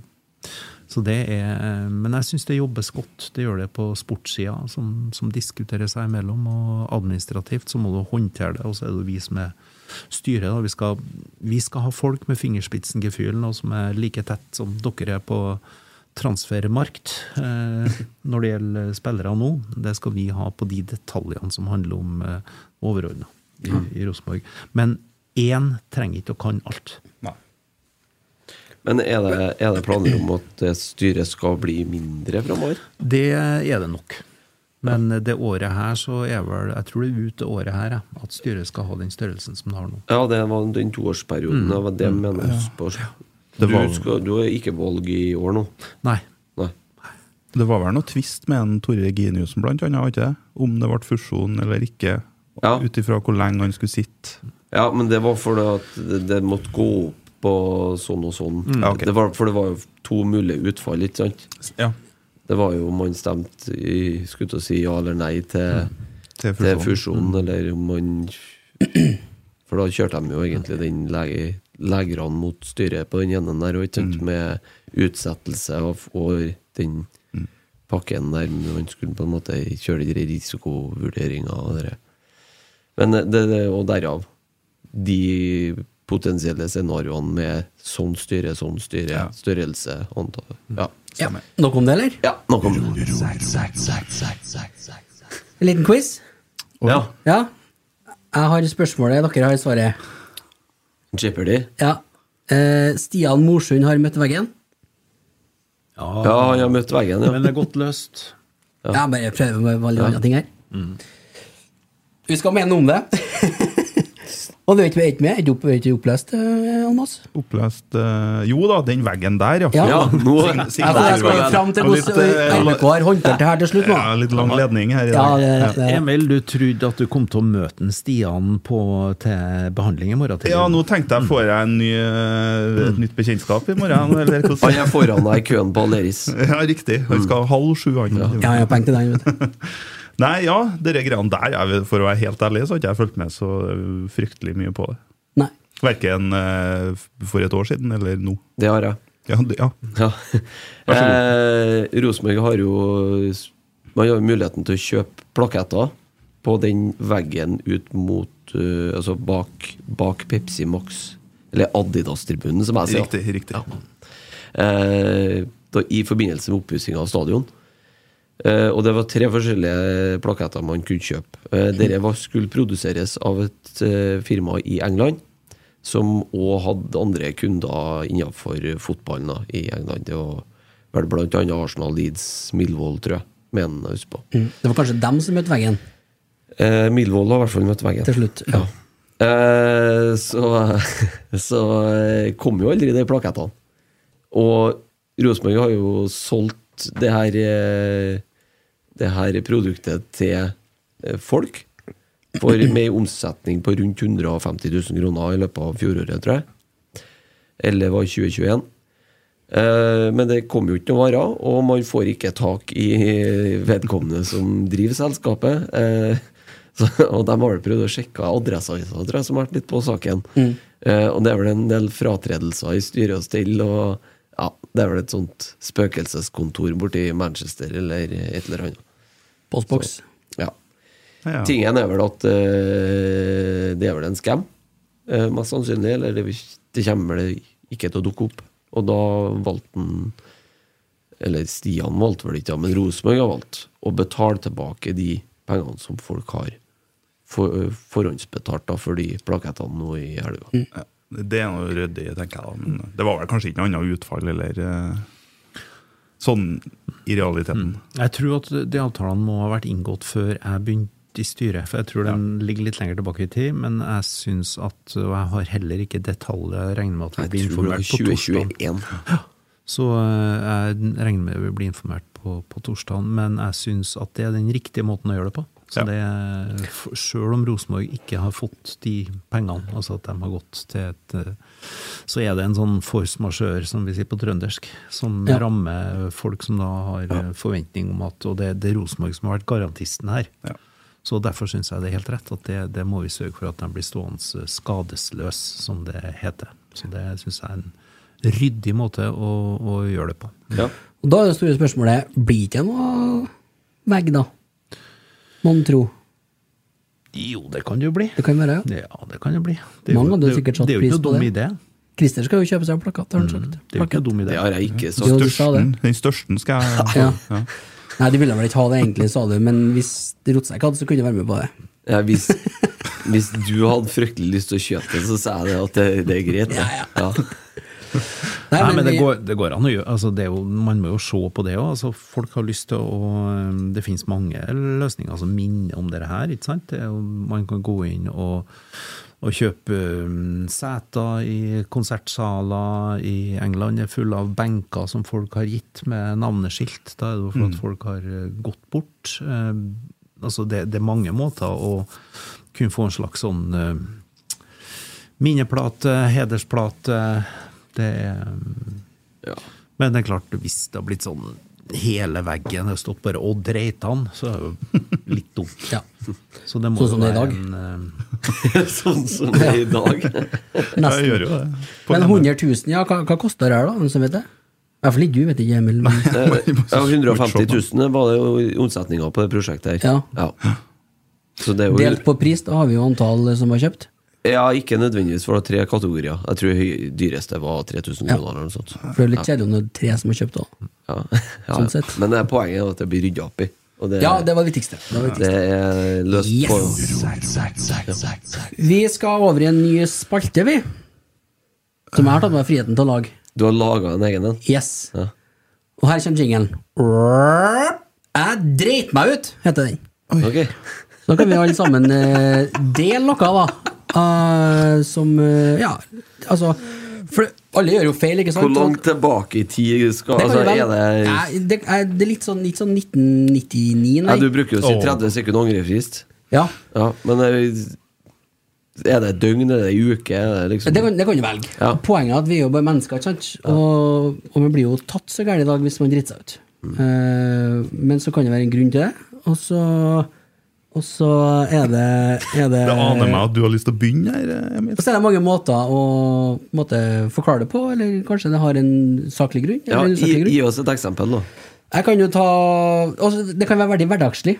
Ja. Ikke sant? Nå kom- kommer jo her litt brått på noen, noen der, kanskje, men eh, vi får se. Eh, nei, eh, jeg kan ta fram noe så enkelt som byggskum, for eksempel. Ja, Ja. Det må du la tørke ferdig før det, før det begynner å skjære i det. det er riktig. Ja, det er helt riktig. For selve skummet får du igjen med den laken som blir igjen her. Den setter seg der, der du går, så blir den med deg. Det er. Og da bør du vel hjemme alene, for du bør ha tid til å vaske opp etter deg. Hvis ikke så får du noen på nakken igjen der, det er sikkert. Så der dreit jeg meg ut, faktisk. Jeg var litt ivrig på Har du vært og tråkka det rundt nå, eller? Ja. Ja. Jeg har det. Men jeg jeg tok litt sånn eh, fem, seks om fem Nei, heter det? Seks tom fem? Nei, 4,55 er sprayen. Sånn- 565. 565, ja. Verktøy på boks. Den brukte jeg til å få 556. løst opp det. Gjorde jeg.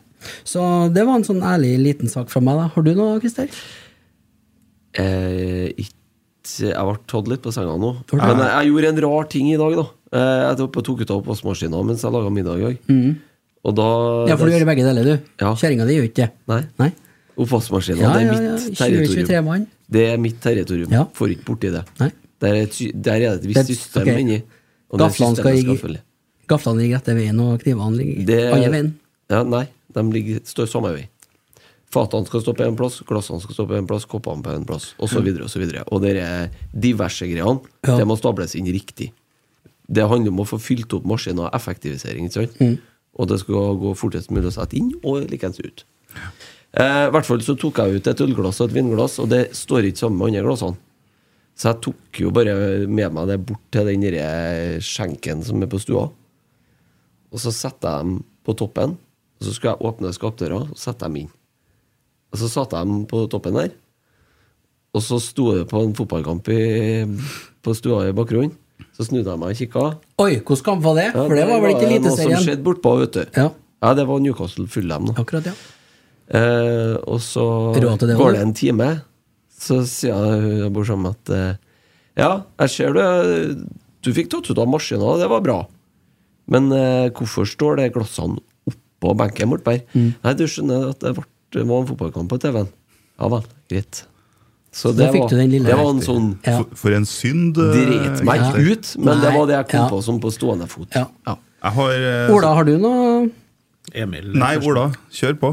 Nei, det var ikke Nei, jeg prøver å tenke på sånn For jeg tror at du skulle få dreit på meg. Nå tror jeg det kom noe fra kryssinga di over havet. Nei, nei, nei. Det. Ja, der, er, der er litt å hente fra også, ja. Det, ja kanskje det kunne være noen vandrehistorier Ja. derfra. Um, en, nei, sånn ferskvare Er det noe sånn kjempespennende greier? Men jeg, jeg liksom først datt inn, for du snakka om debutere som 16-åring. Mm. kommer jeg tilbake til klassikeren når jeg skulle spille tredjekampen min på Lerkendal. Um, og hadde gått bra i to første. Det hadde gått fint i første omgang. Um, og så skulle jeg ta en femmeter. 16 år og liggende vrispark. Jeg er litt usikker på om han eh, er kjempestødig. Så, så jeg skulle ta femmeteren. Og så treffer jeg med svært liten kraft og svært lav høyde. Eh, og så er det sånn at på 30 meter står toppskåreren til HamKam. Det var mot HamKam dere ville lede 2-1. Mm. Toppskåreren til HamKam han står og knytter skoa si på 30 meter. Eh, og akkurat ferdig idet han får ballen fra meg. Oh, ja. En lissepasning. Han var ikke hard heller. Helt nydelig. Ja, Ja. så han gikk nå glatt igjennom og skåra. Ja. Vi tapte vel 6-2, og etter det sjette målet så var det en av midtstopperne som sa du kan i hvert fall ta ballen ut av nettet, sa han og snudde seg og gikk. Så, men det førte da til at det som ikke knekker, gjør det sterkere, så jeg gikk hjem i hagen, og jeg tror at det er ingen som på K- så kort tid har øvd så mye på liggende vrispark. Så det var siste gangen jeg ikke løfta en femmeter. Ja. Mm. Det tror jeg skal klare ennå, å løfte en femmeter. Ja. Altså, Den sitter den. den går ikke 30 meter Nei. langs bakken. Nei. Og det gjør du bare én gang. Ja, det, du kjenner den. Ja. Nei, men den var fin, Men den. den er ikke helt ny, da. Nei, men det har ikke så nye å si. Så det er jo mer enn fem år siden. det. Ja. Nei, det var jo en litt sånn uklar eh, spalte. Ja, den er det. så det- Den er det. Ja. Emil, har du noe? Nei vel, jeg kan hjelpe deg. Uh, Emil har jo vært på Twitter i dag, vet du. Ah, den der er stygg. Må du ta den? ja? Eh, og der er det jo en som har tweeta eh, Nå skjønte jeg hva spalten der handla om. Der er en som, Hans E skriver Det er alltid for tidlig å bli trønder. Mitt spørsmål til Reka er Ola Sæter en A. Sytpeis eller B. Jævla sytpeis? Og så svarer Emil Almås Ler deg navnet på spillere før du skal disse de, da. Åh, jeg blir helt svett, vet du. Ok? Og så svarer han Lær deg å skrive Lær før du disser noen for en minibom på et navn.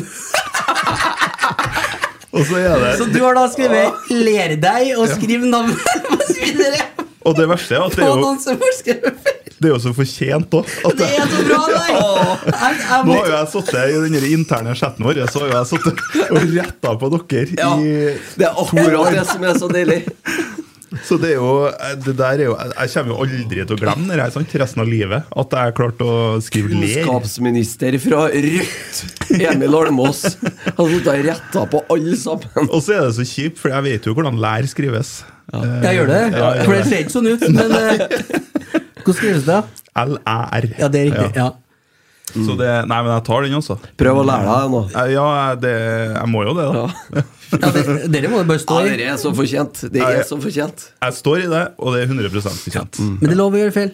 Ja, jeg, jeg dreit meg ut. Ja, ja men så innrømmer jeg det. Det er helt nydelig. Ja, jeg. Du er herved spaltens far. Ja, det, du Jeg, had, leder. jeg hadde jo egentlig en annen nå, vet du, som jeg tenkte Ja, nå skal jeg kline ned i bordet her. Ja. Fordi eh, sånn, Som en sånn kontrast til den der, eh, helt sinnssyke oppvaskmaskinhistorien til en Christer. Ja. Jeg dreit jo meg skikkelig ut en gang. ja. Jeg så, jeg var på Lerkendal og så Rosenborg-kamp.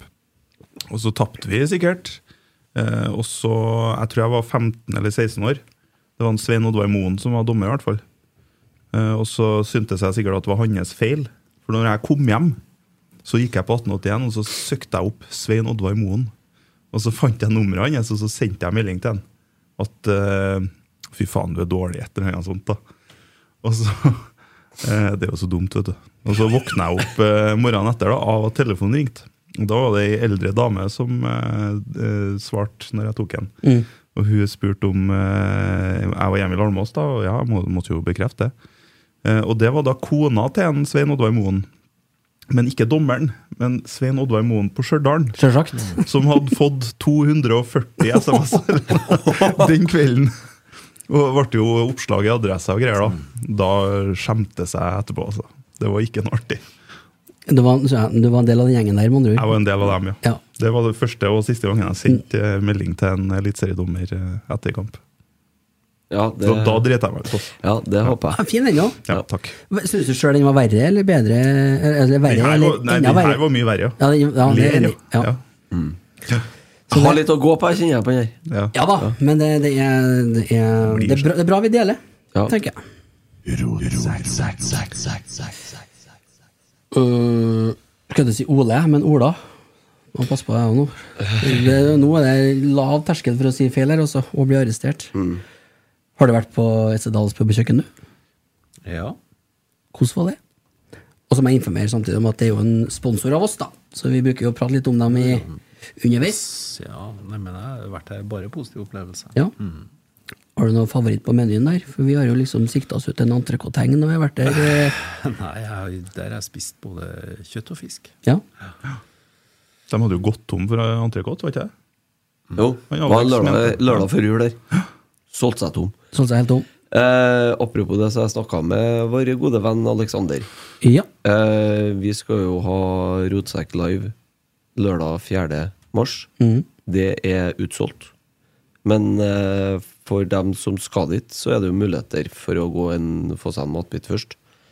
Eh, restauranten åpner klokka fem, og det begynner faktisk å bli Ja, det er booka en god del bord allerede, så det begynner å fylles opp Oh, i ja, men det er restauranten klokka fem. Dere to skal jo ut, blant annet. Skal vi det? Har jo jeg booka. Har vi booka bord? Ja, har du ordna det? Ja, ja, Det så bra. Strålende. Ja, det var jo spørsmål om det her tidligere, og fram og tilbake, så sa jeg jo det. Det er du- ordner kan- jeg Kan du huske Ja, du sa det, for det var jeg skulle gjøre det. Ja. Ja, det var den av det. Nei, jeg tror du skal få holde på med byggskum og kjøkken og litt sånn. Ja, det er greit, det. Ja. Nei, men det er bra. Kan det- det, er det entrecôte-garanti på det? Ikke bordet, men den dagen, eller? Jeg sa til Alex at eh, den fjerde eh, Eller blir jo ja, fjerde, andre februar, da kanskje. For det er jo to par dager mindre i februar, vet du. Skal modnes i 30 dager. Den. Mm. Ja, det skal den, ja. Så da bør det være fullt i kjøleskapene. Sånn at det er garantert entrecôte vi kommer Har de nye skapene kommet? det, Ja, det har De måtte kjøpe nye skap òg, vet du. Vi liker jo å tro at det var pga. oss, da. Ja, det- Selvsagt. ja. Det er pga. oss. Ja. Jeg ble noe annet. ja, ja. Ja, ja. Nei, så det skal fylles opp, ja. Bra. Eh, så det blir biff til folket. For den som vil ha det. ja. Og ellers så har de jo mye annet bra. Vi blir jo ikke, ikke nedringt, eller ned, men det er en del som uh, spør om billetter. Det er, som du sa, utsolgt. Det er Rotsekk Ja, det kommer ikke flere billetter. Så Nei, det gjør ikke det. Det var noen som spurte om det òg, men det gjør det ikke. Og dem som, dem som har, var tidlig ute og kjøpt, de var kloke. Og så setter vi utrolig stor pris på at så mange vil være med på en, en sånn en kveld. Ja, og så kan vi jo si da, at hvis det mot formodning er noen som har kjøpt som ikke har tenkt å ta turen, så må de jo si fra, for da har vi folk som er interessert. Da tar de kontakt med Rotsekk på Twitter, og så Ja. øh, ordner en, øh, ordner en Tommy oppi det. Ja. Sånn at de får videre solgt den. Ja. Så det ordner seg. Ordner seg. Det Ja. blir bra, det. Det blir kjempeartig. Blir det. Jeg har, jeg har en, et tema Oh, ja, er det du som er programleder, eller? Ja. Akkurat, ja. Akkurat nå så ble det det. Eh, jeg har et tema skjønner du, som jeg har litt lyst til å ta opp i dag. Når vi først har noe der. Eh, for vi snakka jo sånn, bare så vidt innom det med økende kostnader og inflasjon og litt eh, stigende renter og sånne ting. Den siste uka nå så har det vært mer og mer fokus på kostnad i barneidrett og nedgang i medl medlemstall og sånne ting. eh, Først og fremst da i Oslo, som har vært hovedfokus. Eh, har du noe oversikt over hvordan det ligger an her i byen? Nei, vi har eh, vi er i dialog med idrettsråd, idrettskrets. Mm. På, og det var jo like etter jul. Eh, Nå har det vært helt andre strømtall i, eh, på Østlandet. Og helt opp til og med Røros eh, enn det vi har hatt. Men det er jo litt bekymringsfullt. Og da er kombinasjonen mellom at det har blitt mer pressa økonomi for folk som skal ha unger, spesielt da på idrett. Og, og så er det frafallet fra frivillighet og idretten og den post-korona-situasjonen. Så det er litt sånn bekymringsfullt. Og spesielt i idrettene som, hvor det krever en del energi. Så vi har merka det med noen idrettslag også, som har hatt høyere strømutgifter hvis du har varme under en eh, kunstgressbane. Det gjelder jo for dem som har isflater. Det er um, Så det, det, er en, det ligger en utfordring, men foreløpig så har det ikke, ikke spissa seg så hardt her. Det har vært litt på, på noen kunstgressbaner. Vi har fått noen henvendelser fra noen idrettslag. Men, eh, men jeg er litt sånn bekymra framover. Det er jeg, fordi at det er Vi får signaler om at det er folk som har enda flere enn tidligere. For vi vet jo fra eh, også fra tidligere perioder at det er, det er noen som ikke har råd til å betale for ungene sine der det skal være. Og vi har jo en, en ordning med Idrettsrådet som bistår, så det er en mulighet for dem som er pressa å få støtte. Og det gjelder jo spesielt når du har fått folk inn til Det kommer inn eh, folk til, til landet som trenger å etablere seg. Som det er hjelpeordninger der. Det er både på kulturområdet og det er det på idrettsområdet. Men jeg tror det er i ferd med å bli tøffere. Så vi er nødt til å se hva som kan hvor situasjonen er, og hva som kan gjøres. Ja, for det er jo skrekkeksempel, det man hører fra Oslo. altså Furuset eh, rapporterte at de har gått fra 980 medlemmer til 30, eller hva det var for noe. Og det kommer guttunger på fotballtrening med svartsekker med tomflasker for å betale Mm. treningsavgifta si. Det er hjerteskjærende. Altså. Ja, det er, Ja, det er det er alarmerende. Sånn skal ikke vi ha det. Jeg hørte en podcast, eller jeg hørte Politisk kvarter på torsdag eller fredag. Mm. Den var jo ene alene om Ja. temaet her. Og det, det er ikke noe å spøke med det der, altså. Eh, nei, så det er jo viktig at sånne ting blir fanga opp og blir tatt tak i. Det henger jo, det henger jo sammen med totalsituasjonen for folk òg. Mm. Det er ikke bare strømmen. Altså det, er noe, det har jo også vært søkelys rundt matvareprisene. Har steget uforklarlig mye. Hvorfor? Det er vanskelig å finne grunnene til det. Eh, og så har eh, renta blitt eh, høyere. Altså det er mange sånne Drivstoff. Det er mange virkninger sammen, og veldig mye kan jo, eh, kan jo spores tilbake til Ukraina og den ustabile situasjonen som vi har fått. Det, Ja. Så sjøl om ikke vi opplever det som folk i Dnepro opplevde, der jeg har vært på, på landskamp, um, og med den blokka som ble skutt i stykker, da. 40 savna. Men vi, vi har fått vi, vi får noen ringvirkninger, men jeg, nevnte det tidligere, og vi har, vi har eh, kanskje vært økonomisk helt på toppen nå. Altså, vi er en, en slags, mange av oss, vi er jo en slags dessertgenerasjon. Vi skal gå to generasjoner tilbake i tid. Altså, så hadde folk uh, utedo og var blant de fattigste landene i Europa. Altså, vi nå i en periode har vært blant de aller rikeste. Og det er ikke naturgitt at det skal fortsette. Det er ikke Men- sikkert det kan være vi har hatt pike ennå. men vi, vi må selvfølgelig hjelpe dem, og idretten skal jo altså Ideelt sett så er idretten gratis. Sånn at det er et tilbud som man har gratis. Men så er det ikke sånn det fungerer. Hvis idrettslaget skal ut, delta på et eller annet, det koster penger ikke sant, å delta. Hvis du må Nå er det heldigvis gratis eh, bruk av eh, haller i, mm. i Trondheim. Det har det vært i mange, mange år. sånn at idretter som håndball og innebandy har ikke noe utgifter på, i utgangspunktet på kommunale haller. Så, men det er jo mange andre idretter som har noen utgifter på det. og Det er dyrt når du skal ha is, og det er dyrt når du skal undervarme. Så det er, en, det er en bekymring, og jeg tror at vi kommer til å få mer synliggjøring av det fremover. Men det, som sagt, noen ordninger eksisterer, men eh, det er en bekymring. Jeg oppfatter jo at kommunen har vært flink egentlig mange år til å være med å garantere for eh, leietimer i nye haller, i Altså i garderobeanlegg som Ja, vi- settes også, og alt ja, vi, mulig vi, har, vi har en modell som er sånn i så en, Trondheimsmodell at en flerbrukshall den, eh, den bygges av idrettslagene, men med ganske tung kommunal støtte. Mm. Og så leier kommunen tilbake timer igjen fra den hallen, altså i tråd med hvor mange aktive du har i det idrettslaget. Og så har idrettslaget også mulighet til å tjene noe penger på utleie. Og så skal det Samtidig så skal ikke summen Det skal ikke koste noen ting for, for utøverne eller for lagene med, med bruk av eh, kommunale haller. Men det er, det er en støtteordning som har vært ålreit. Men så er det andre idretter som må ønske seg like gode ordninger. Så det er ikke alltid at det positive blir oppfatta likt av alle. For helst så skulle du hatt det på absolutt alle idrettsanlegg. Men det er veldig mye som er, er dekt opp i Trondheim. Men optimalt er det fortsatt ikke. Vi, Hvordan, hvordan er det hvis du skal bygge en ny kunstgressbane i dag nå? Mm. Eh, er det dere inn og Nei, det, det, Du kan søke støtte. Du får en viss støtte fra kommunen også. Eh, Mm. Du får jo bl.a. forskuttering på garanti på spillemidler. Eh, Sånn at det er en støtteordning inn, men fotballen betaler mer.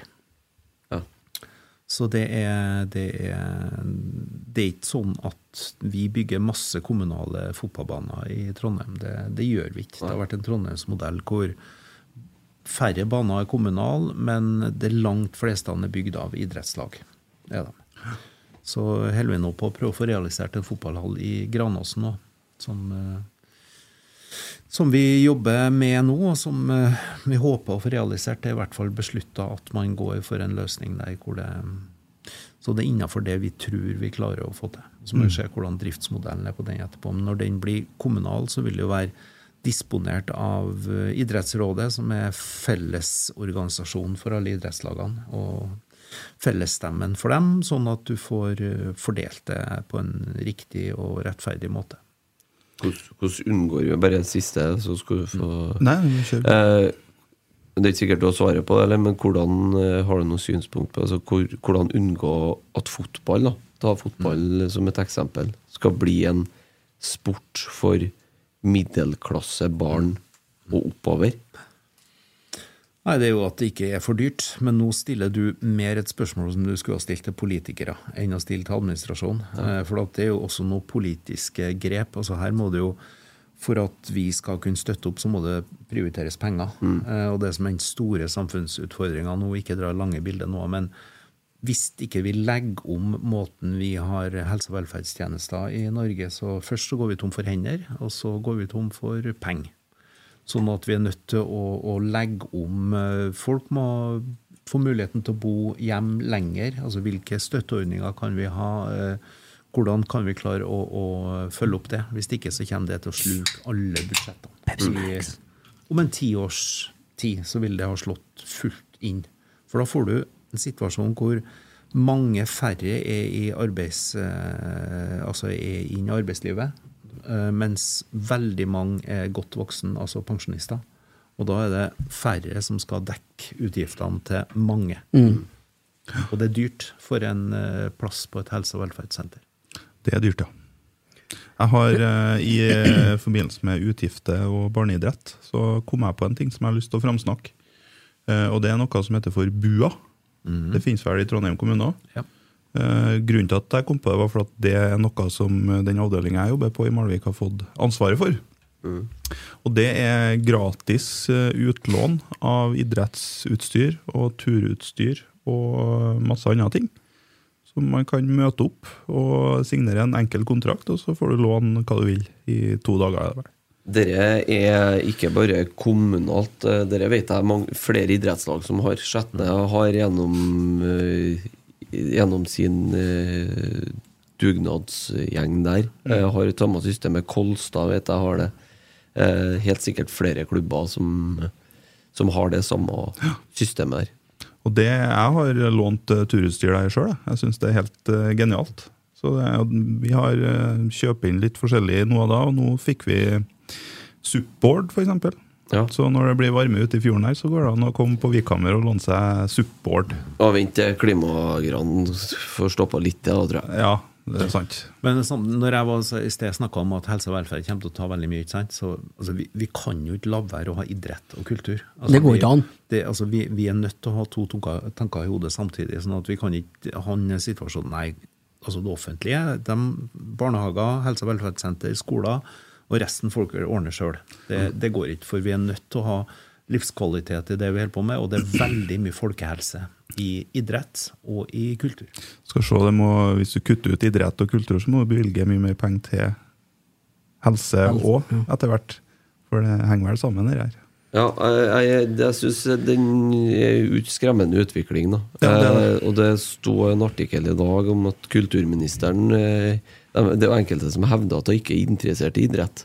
Det tror ikke jeg, men hun- hun, har jo ikke, hun hadde vært på over dobbelt så mye kulturarrangement som idrettsarrangement. Så Ja. det, og det var vel da begrunnelsen at TV 2 har vel gått gjennom de siste par årene Mm. hva hun hadde deltatt på av offisielle oppdrag. Eh, om det er tilfellet eller ikke, det vet ikke jeg. Det var kanskje litt søkt gjennom akkurat en så enkel modell som det, men eh, det er i hvert fall et viktig tema. Eh, Ja, spesielt med aktivitet for unge og ungdom å ha noe å gå til på dagene. Altså, så ikke vi finner på mye annet rart, men samtidig alt det med tilhørighet og spille på lag og en del av det. fellesskap og- Der, Ja, ja. Der, er- det er jo kjempeviktig. Altså, alt henger sammen med alt her. Og nå har jo vi, altså I fjor, 2022, var frivillighetsår i Norge. Og nå er vi europeisk frivillighetshovedstad i 2023. Og jeg sitter jo og holder på mye med det der. Og det er klart at det å få revitalisert frivilligheten er kjempeviktig oppi det hele.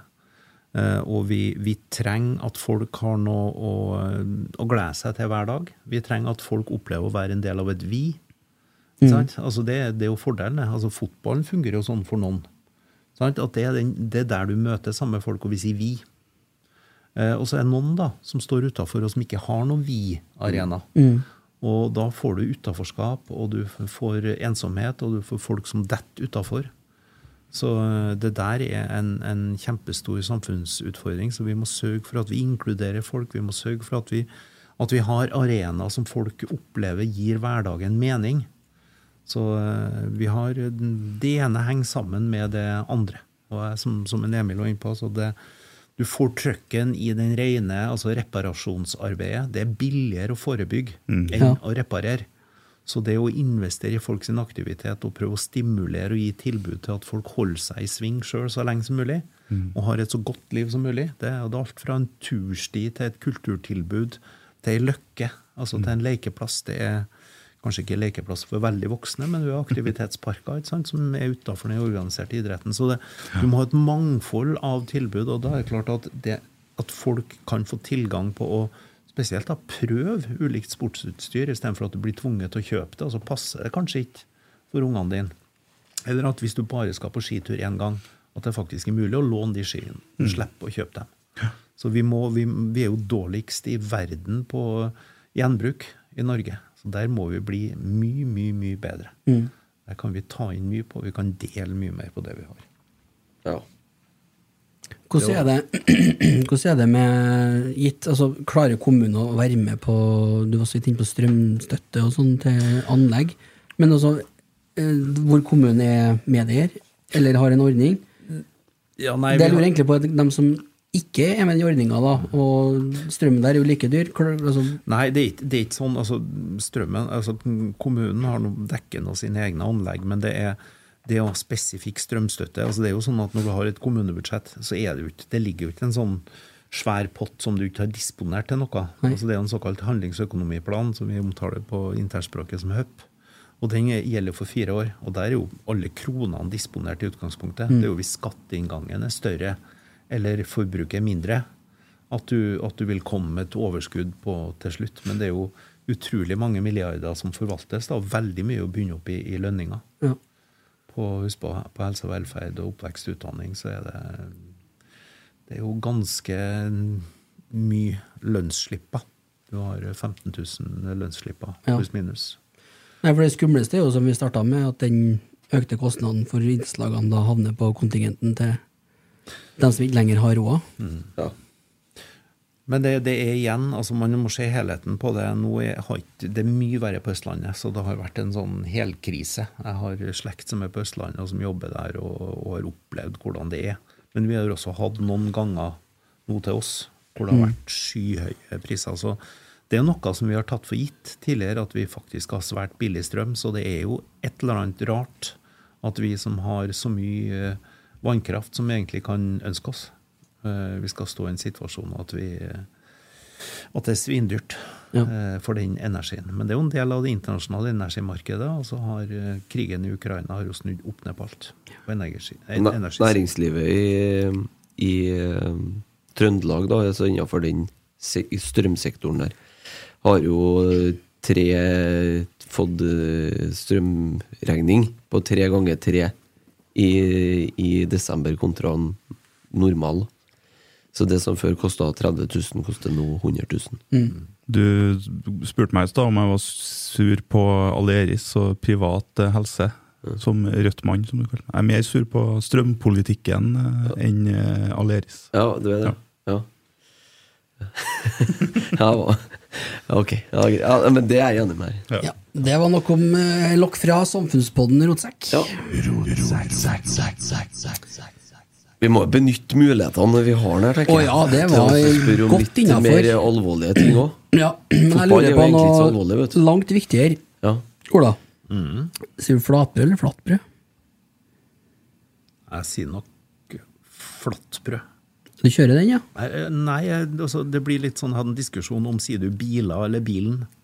ja. Det er en annen. Sier du biler, eller sier du bilen. Eh, da sier jeg jeg går ut i bilen, men sier 'se den bilen', når det er mer trykk. Så jeg- det er bare min erfaring med hvordan jeg bruker språket. Ja, Så det er jeg er født og oppvokst på samme plassen, men eh, flatbrød og flatbrød Altså, Egentlig skulle vi si flatbrød, men akkurat når det gjelder flatbrød, så tror jeg jeg sier flatbrød. Det er mulig at jeg er Står jo, det er jo bare én til da. mener jeg, da. Jeg er på én til, jeg òg. Men, men jeg og Christer, der er det, jo, det er jo flatbrød. Jeg har fasiten på Du har det, ja? ja. Hva er svaret? Flatbrød i byen, flatbrød litt utom byen. Ja. Det kommer litt an på hvem du snakker med, tror jeg. Ja, for jeg sier jo flatbrød. Er jeg på uh, hyttetur med en kompis fra Frosta, så sier jeg flatbrød. Ja, det kan være at Jeg er hjem til morsan, så ja. heter jeg flatbrød.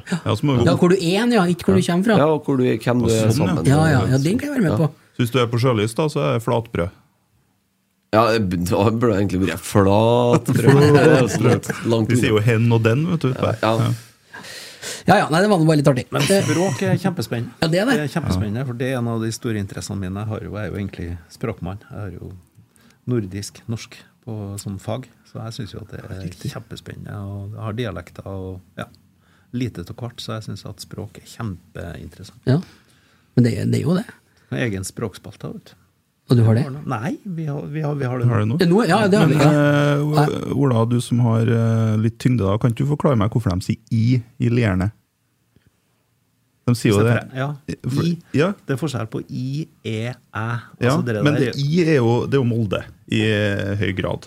Det er jo nesten bare Jo, der. Og så det er- Mm. plutselig 30-40 mil lenger nord, og så helt inn i svenskegrensa. Der er en gjeng som sier i. Ja. Men det er, altså, språkmerker og språktegn er kjempeartig. Det er Ja, ja, ja. Du har jo altså, det å Bardu prøve å og- høre på, på ulike altså Hvis du hører en, en par setninger, og så finner ut hvor de er fra. For da har du noen språkmerker. Men det er jo riktig som du sier, med den, den i-en, og så er det noe som sier e, og så er det noe som sier æ, og så er det noe som sier litt sånn vokal imellom her. Ja. Så det er, og du har synkope og apokope, og du har eh, jamning, og du har masse språkmerker som er kjempeinteressant. Mm. Er det. Tenker meg om, så tror jeg jeg må strekke hånda i været og si at jeg snur meg etter vind der òg. Sier vi? Hæ? Nei, Nei. så galt er det ikke, men jeg snur meg etter hvem jeg prater med, og faktisk hvor bredt man prater. Du får ikke rundt og si i når du er i Molde. Nei, jeg tror, vi, skal, vi skal sjekke neste gang vi skal dit. Skal vi ta en superkort en? Ja. språkeksempel. Landslaget på kamp i Egypt eh, 1984. Én mulighet til å se Sfinksen og Keopspyramiden.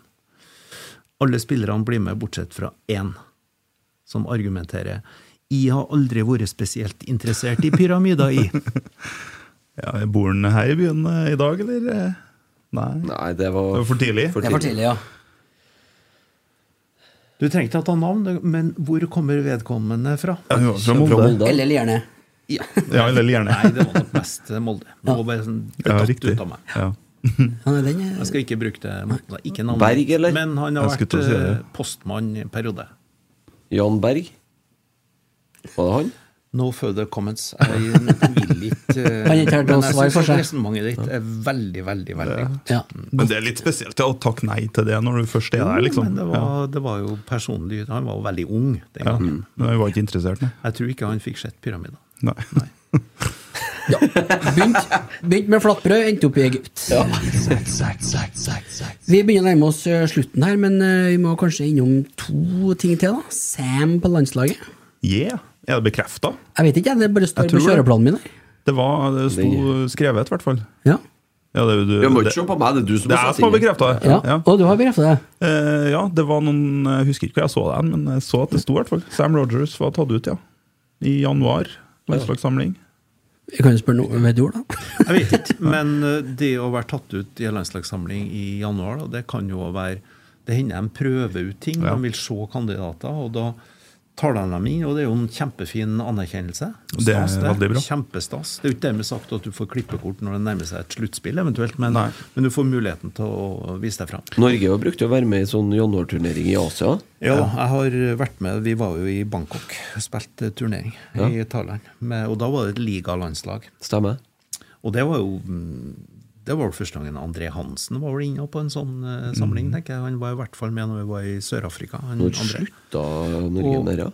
Nei, det er vel litt uh, etter hvordan sånne ting arrangeres. Og så er jo det der terminlistene er helt fryktelig nå. Sant? Ja. Så det er jo vanskelig Pakka, ja. å få Ja, nå er. Ja, nå, vi, møter jo, vi møter jo kun europeisk eh, motstand, vi nå. Ja, men Sverige og Island og Finland har jo spilt Jo, men- sånn turnering nå. Ja, men den Nations League-greia Vi får jo ikke eh, Jeg så det ble tatt opp her i forbindelse med at Norge er jo eneste laget som har møtt Brasil to ganger eller mer, og aldri tapt. Tre. To ganger eller mer, Ja. og aldri Ja, tapt. tre, så. Ja. Og, men vi kommer jo mest sannsynlig aldri til å møte Brasil igjen eller på en god stund. sant? Av Nations League. da. Ja. Så, fordi vi har ikke treningskampene mot Nei. land fra andre verdensdeler. Jeg må møte dem i VM, da. Ja, vi må jo det. da. Og det er jo, apropos USA, da, der er jo fordelen eh, De kommer jo ofte til mesterskap.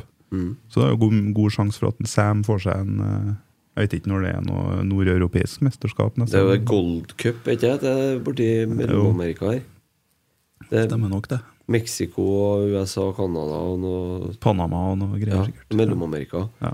Eh, men altså, Sam har jo en De skal jo arrangere fotball-VM i 2026 i USA. Det skal de, jo. Så han har jo en langtids eh, Sikkert en drøm langt der framme der. Å, fy faen, jeg gleder meg til det. Tenkte jeg Jeg gleder meg til den og EM i Tyskland som kommer nå. om Det an å glede seg. Det er ett og et halvt år, bare. Det er bare ett og et halvt Ja. år det. Vi begynner å booke noe hotell, tror jeg, til vi skal dit. Jeg hørte eh, Ordner Det var en annen pod der. Dere våre beste menn. Mm. De skulle jo leie seg bobil og kjøre nedover. Kanskje vi skulle kjøre en sånn rotsekk on tour eh, nedover? eh, Ja, det har vært festlig. ja. Skal jeg ta en dreit meg ut-historie på bobil i Tyskland, eller? Ja, har du det? Jeg kom på det nå. Ja, kom igjen! Ja, ja. er 06, var ikke det? Tyskland-VM. Ja. Jeg og broren til Frank Lidahl, altså Erik Lidahl, og Marius Lidahl, og en som heter Endre. Lidal. Nei, Ensjø. Endre Ensjø. Nei, nok om det. Marius Ensjø. Eh, vi dro nedover eh, i bobil. Eh, og det, vi henta bobilen på Byåsen. Og så var det litt sånn kjapp info om hvordan den fungerte.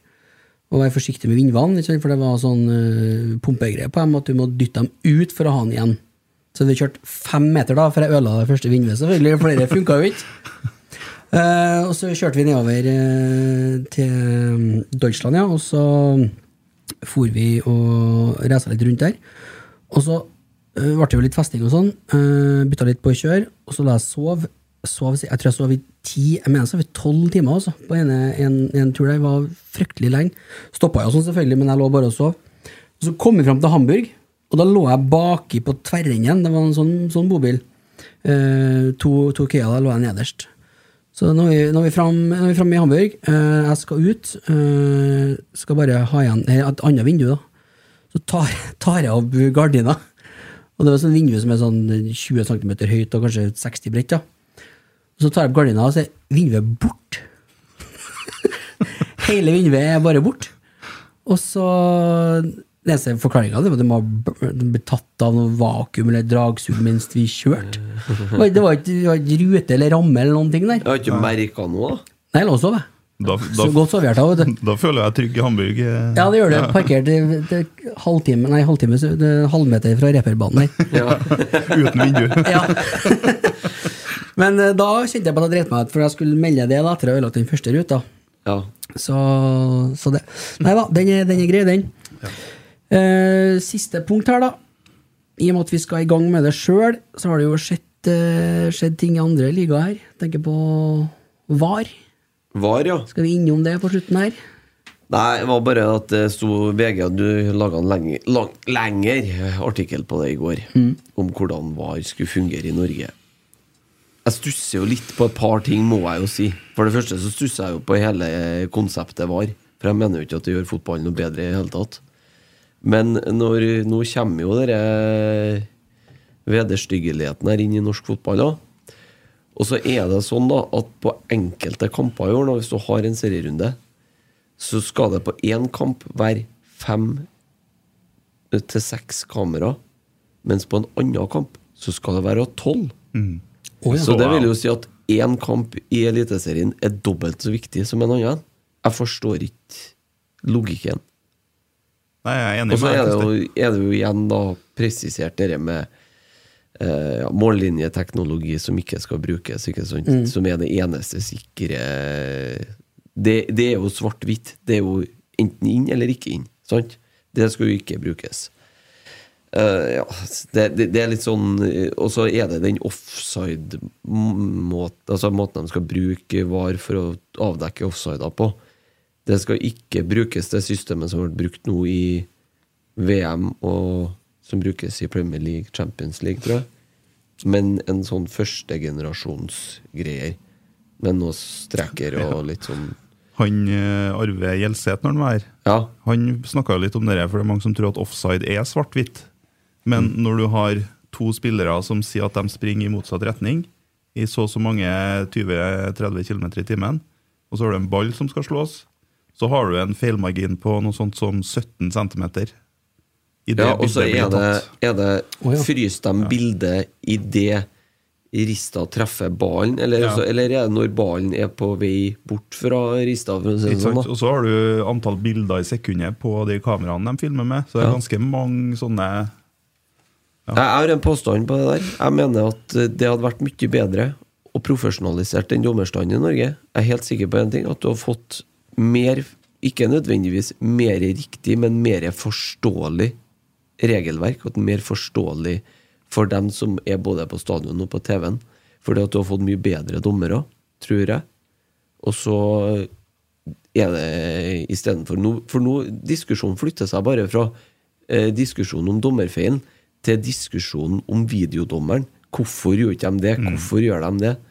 Eh, ja. Ja, jeg er enig, og så kunne du brukt litt penger på mållinjeteknologi, Ja. som er svart-hvitt. Inn eller ikke inn. ja. Jeg er helt enig i det. Har du noen tanker om VAR? Ja. Det er, For jeg er veldig enig med dere om mållinjeteknologi, for at det er helt opplagt. Altså, det er jo, og jeg ser, altså, det er jo, Nå får vi jo sånne eksempel. De er jo enten, altså de er krystallklare på en eller andre måten. Enten så er en, er en ikke helt inn, eller så er en inn. Og det du har ikke sjans å se på annet enn akkurat det. Så jeg er tilhenger av de kartleggingsmuligheter for fakta som vi har. Så det er utgangspunktet. Sånn at jeg er ikke motstander av VAR, men jeg, jeg hører jeg blir bekymra når du snakker. For at, eh, ikke for at du snakker, men det du sier. Altså at hvis det blir en, en dårlig variant fordi at måten man i Premier League starta med den VAR-greia, som var en slags eh, polsk riksdag, hvor man skulle inn og sitte an og klø seg i hodet. Og så kan vi på e, det er jo sånn at du, du kan jo ikke tillate deg å juble over ei scoring lenger, for at eh, du har ikke sett hva VAR har funnet på, før den er helt godkjent på nytt. Nei, og det er det Eh, som er det største. Og det syns jeg er veldig sånn grunnleggende beklagelig. Jeg tenker at VAR skal brukes sånn at hvis du ikke har sett noen ting på 15 sekunder, Mm. Så gjelder det ikke. Altså, drive og spole og file frem og tilbake, ja, da er det ikke klart. Så da eh, gjør du ikke det. Men jeg, jeg, jeg er tilhenger av teknologi. Jeg klarer ikke å være så gammel, sånn, ha den holdninga at vi skal ikke ha det.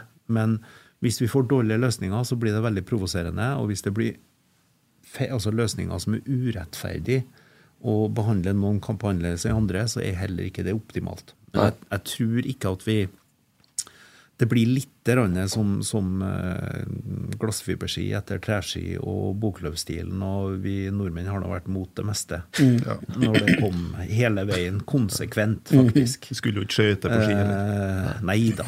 Og det eh, Ja, men, men, men jeg er tilhenger av framsteg, men at det skal være framsteg til slutt. Og så hender det at du tar ett steg fram, og så må du, eller to frem og ett tilbake. Men jeg, jeg, jeg ønsker meg å få bekrefta det som kan bekreftes. Men det må gjøres raskt, og det må ikke ta vekk sjela til fotball. Det er jo det vanskelige dilemmaet her.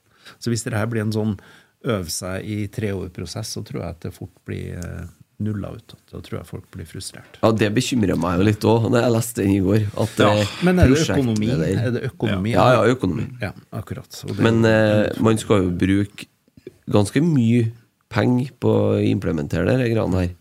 Og da syns jeg det er jævlig rart at man ikke bruker mer på dommerne. På dem som skal Det ene, med det. ene skal jo ikke utelukke det andre. Nei.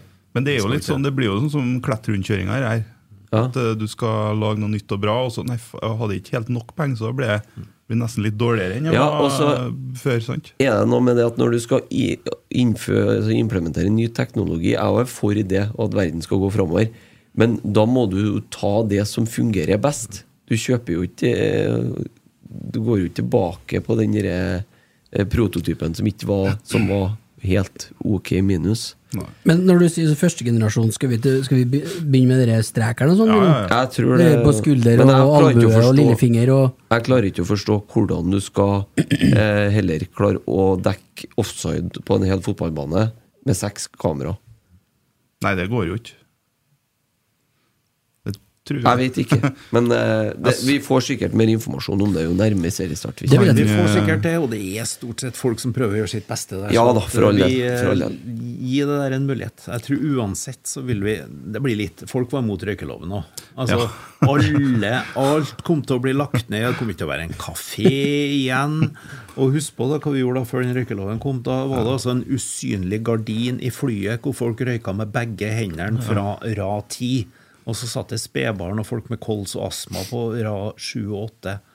Og da var det folk som var imot. Røy, røyka i helikoptrene på vei til Nordsjøen før. Ja, var, de satt i TV-studio og røyka. Sånn at verden går ofte framover. Og så, så det blir ofte bedre enn det vi tror. Så la oss håpe at det blir sånn. Jeg hørte en podkast om røykeloven. En NRK-podkast, hele Ja. historien. Der snakker de om eh, det, det mest eh, signifikante som skjedde når røykeloven inntraff, det var at det begynte å lukte fis på uteplassene. For røyklukta dekket over eh, skitlukta. Så plutselig lukta det skit på alle pubene. Jeg jobba jo som dørvakt i den tida der. Jeg, jeg husker ikke på fis, men jeg husker på svette og Eller det var en helt andre odører ute og gikk, ja. Det var det uten tvil. Det var over natta, så var det merkbart, altså. Det blir som under koronaen, det vet du, at uh, tidligere så var det sånn at folk kunne ta frem et host for å skjule en lyd Mm. fra andre enden. Men under koronaen så var det om å gjøre det motsatt. Og med de kloke ord, så tror jeg kanskje vi begynner å runde av. jeg. Ja, det var fint uh, siste ordet, syns jeg. Har du det med på hjertet, du, eller? Eh, ja, men vi trenger ikke å ta det her. Nei. Ta etterpå. Tørs du å spå noe tabellplassering for Nei, det, det tør ikke jeg, men jeg syns det er litt artig å skryte av dere. For jeg syns det er kjempebra eh, Kjempebra program med promotering og en genuin interesse for Rosenborg og alle detaljer, sånn at jeg kommer jo her og blir informert jeg, om eh, de siste bevegelser på transfermarkt. Så det er utrolig viktig med den, altså den nye generasjonen med supporterkultur. Det er for det er faktisk en endring fra det var fra en generasjon tilbake. Med veldig mye tydelige meninger. Eh, Så ikke bare heia, heia, men også et kritisk blikk inn. Så, eh, men det er supert. Lever rotsekk. Tusen takk for Tusen gode takk. ord. Tusen takk for det, ja. Og med de klokkeord Ja, nå runder jeg da. Ja, da runder vi av. nå er vi ferdig. Å, vær så bra hvis jeg bare har fått det med en gang nå, men momang. Det du sa